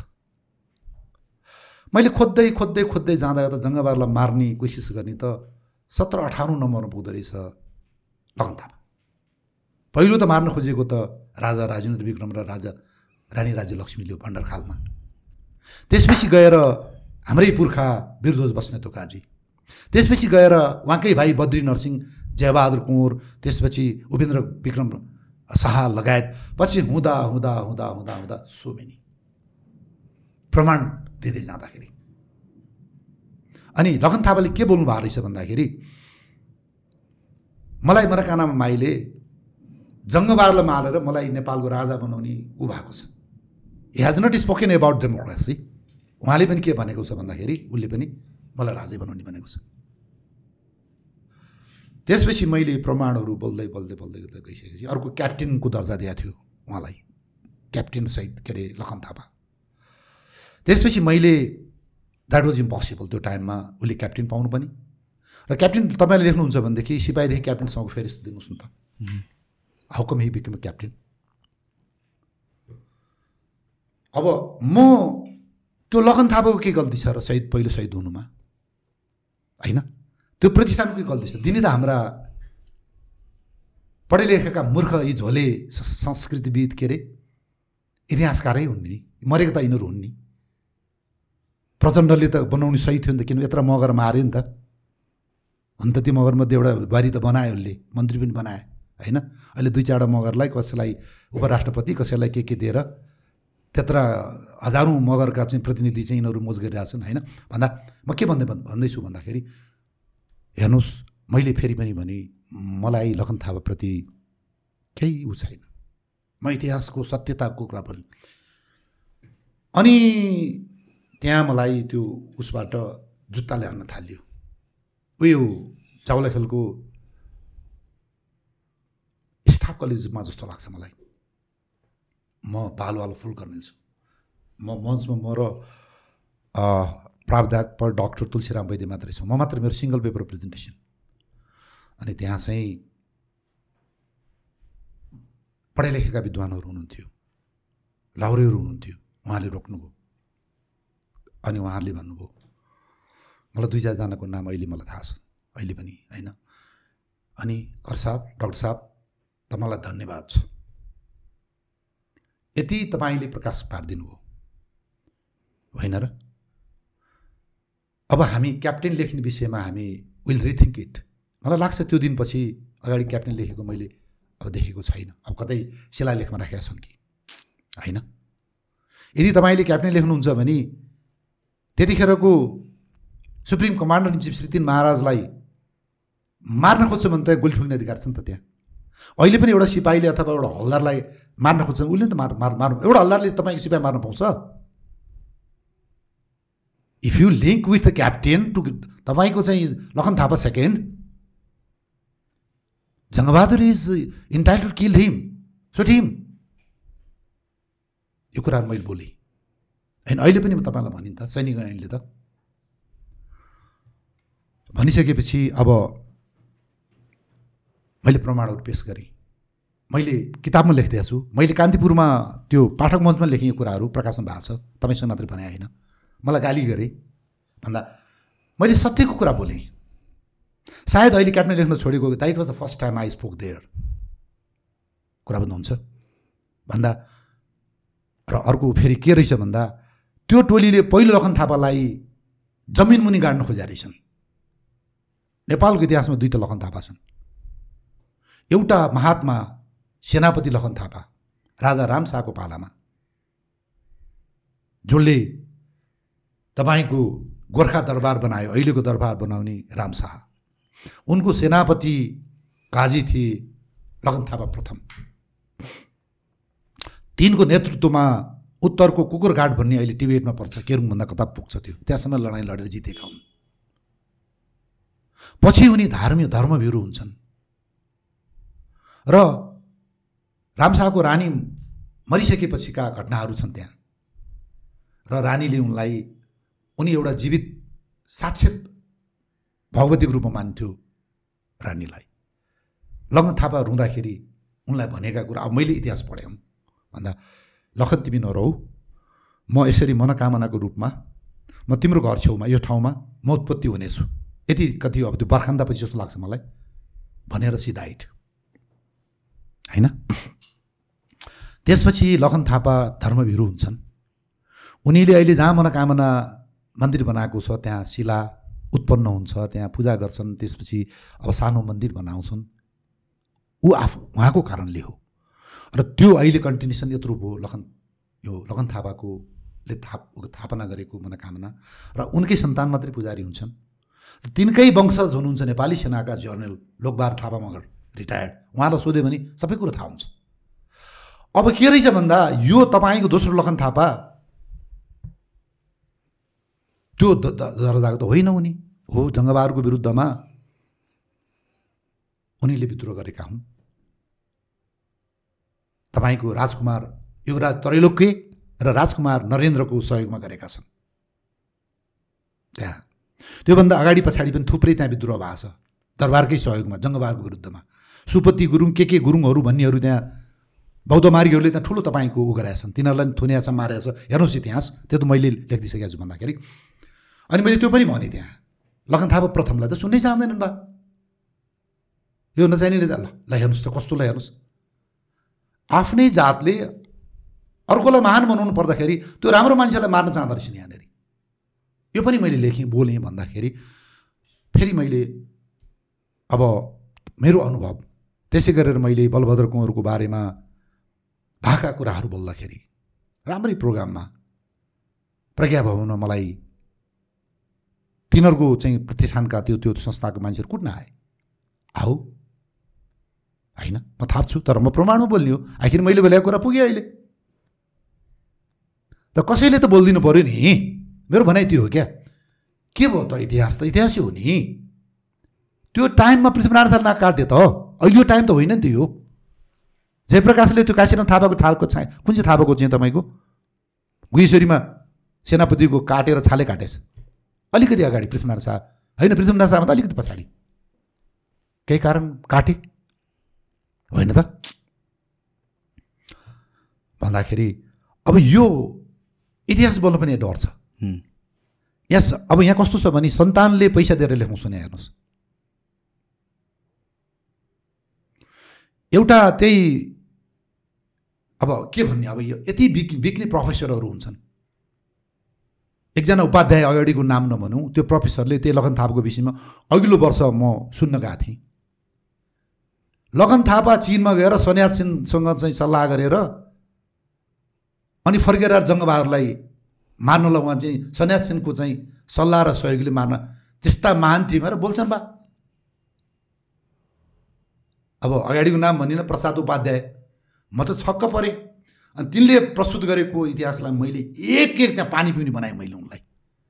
कुड इमेजिन द्याट टाइम उन्नाइस सय तपाईँको पन्ध्र बिसतिर होला यो केस? त्यतिखेरको नेपाल विक्रम सम्बतको नेपाल त्यो लगन थापा उहाँ चाहिँ पुगेर के अरे चिनमा पेकिङ पुगेर सन्यास सिंहसँग भेटेर यस्तो यस्तो फुलबुद्रा भरेर इतिहास लेखिदिन्छन् हाम्रो देशका पैसा खाएर यस्तो छ कि हामी प्राज्ञिक यो जुन मराइ छ नि। यसले गर्दाखेरि मैले फेरि भने हाम्रा पात्रहरू सबै महान छन्। यो इतिहासलाई तोडमोड गरिदिने भङ्ग्याइदिने काम चाहिँ हामी जस्तो पढाइ लेखेका कुपात्रहरूको सबै होइन। र मैले आज लखन थापाको कुरा गरेँ अरू वीरहरूको कुरा गरेँ म कोहीसँग पनि मेरो तपाईँको दुश्मनी छैन। मैले भने म समावेशी चरित्रको व्यक्ति हुँ। सबैको इतिहास खनिनुपर्छ। People history should be begin होइन? भन्दा यो आजको अब एपिसोडलाई सायद अब यिनी बिट मारौँ होला। आज समय पनि सिद्धियो। र फेरि मैले भने यी मेरा भनाइहरू please take it as statement of problem statement of problem तपाईँको मैले भनिदिएका कुराहरू तपाईँ उत्खनन गर्नुहोस् अब।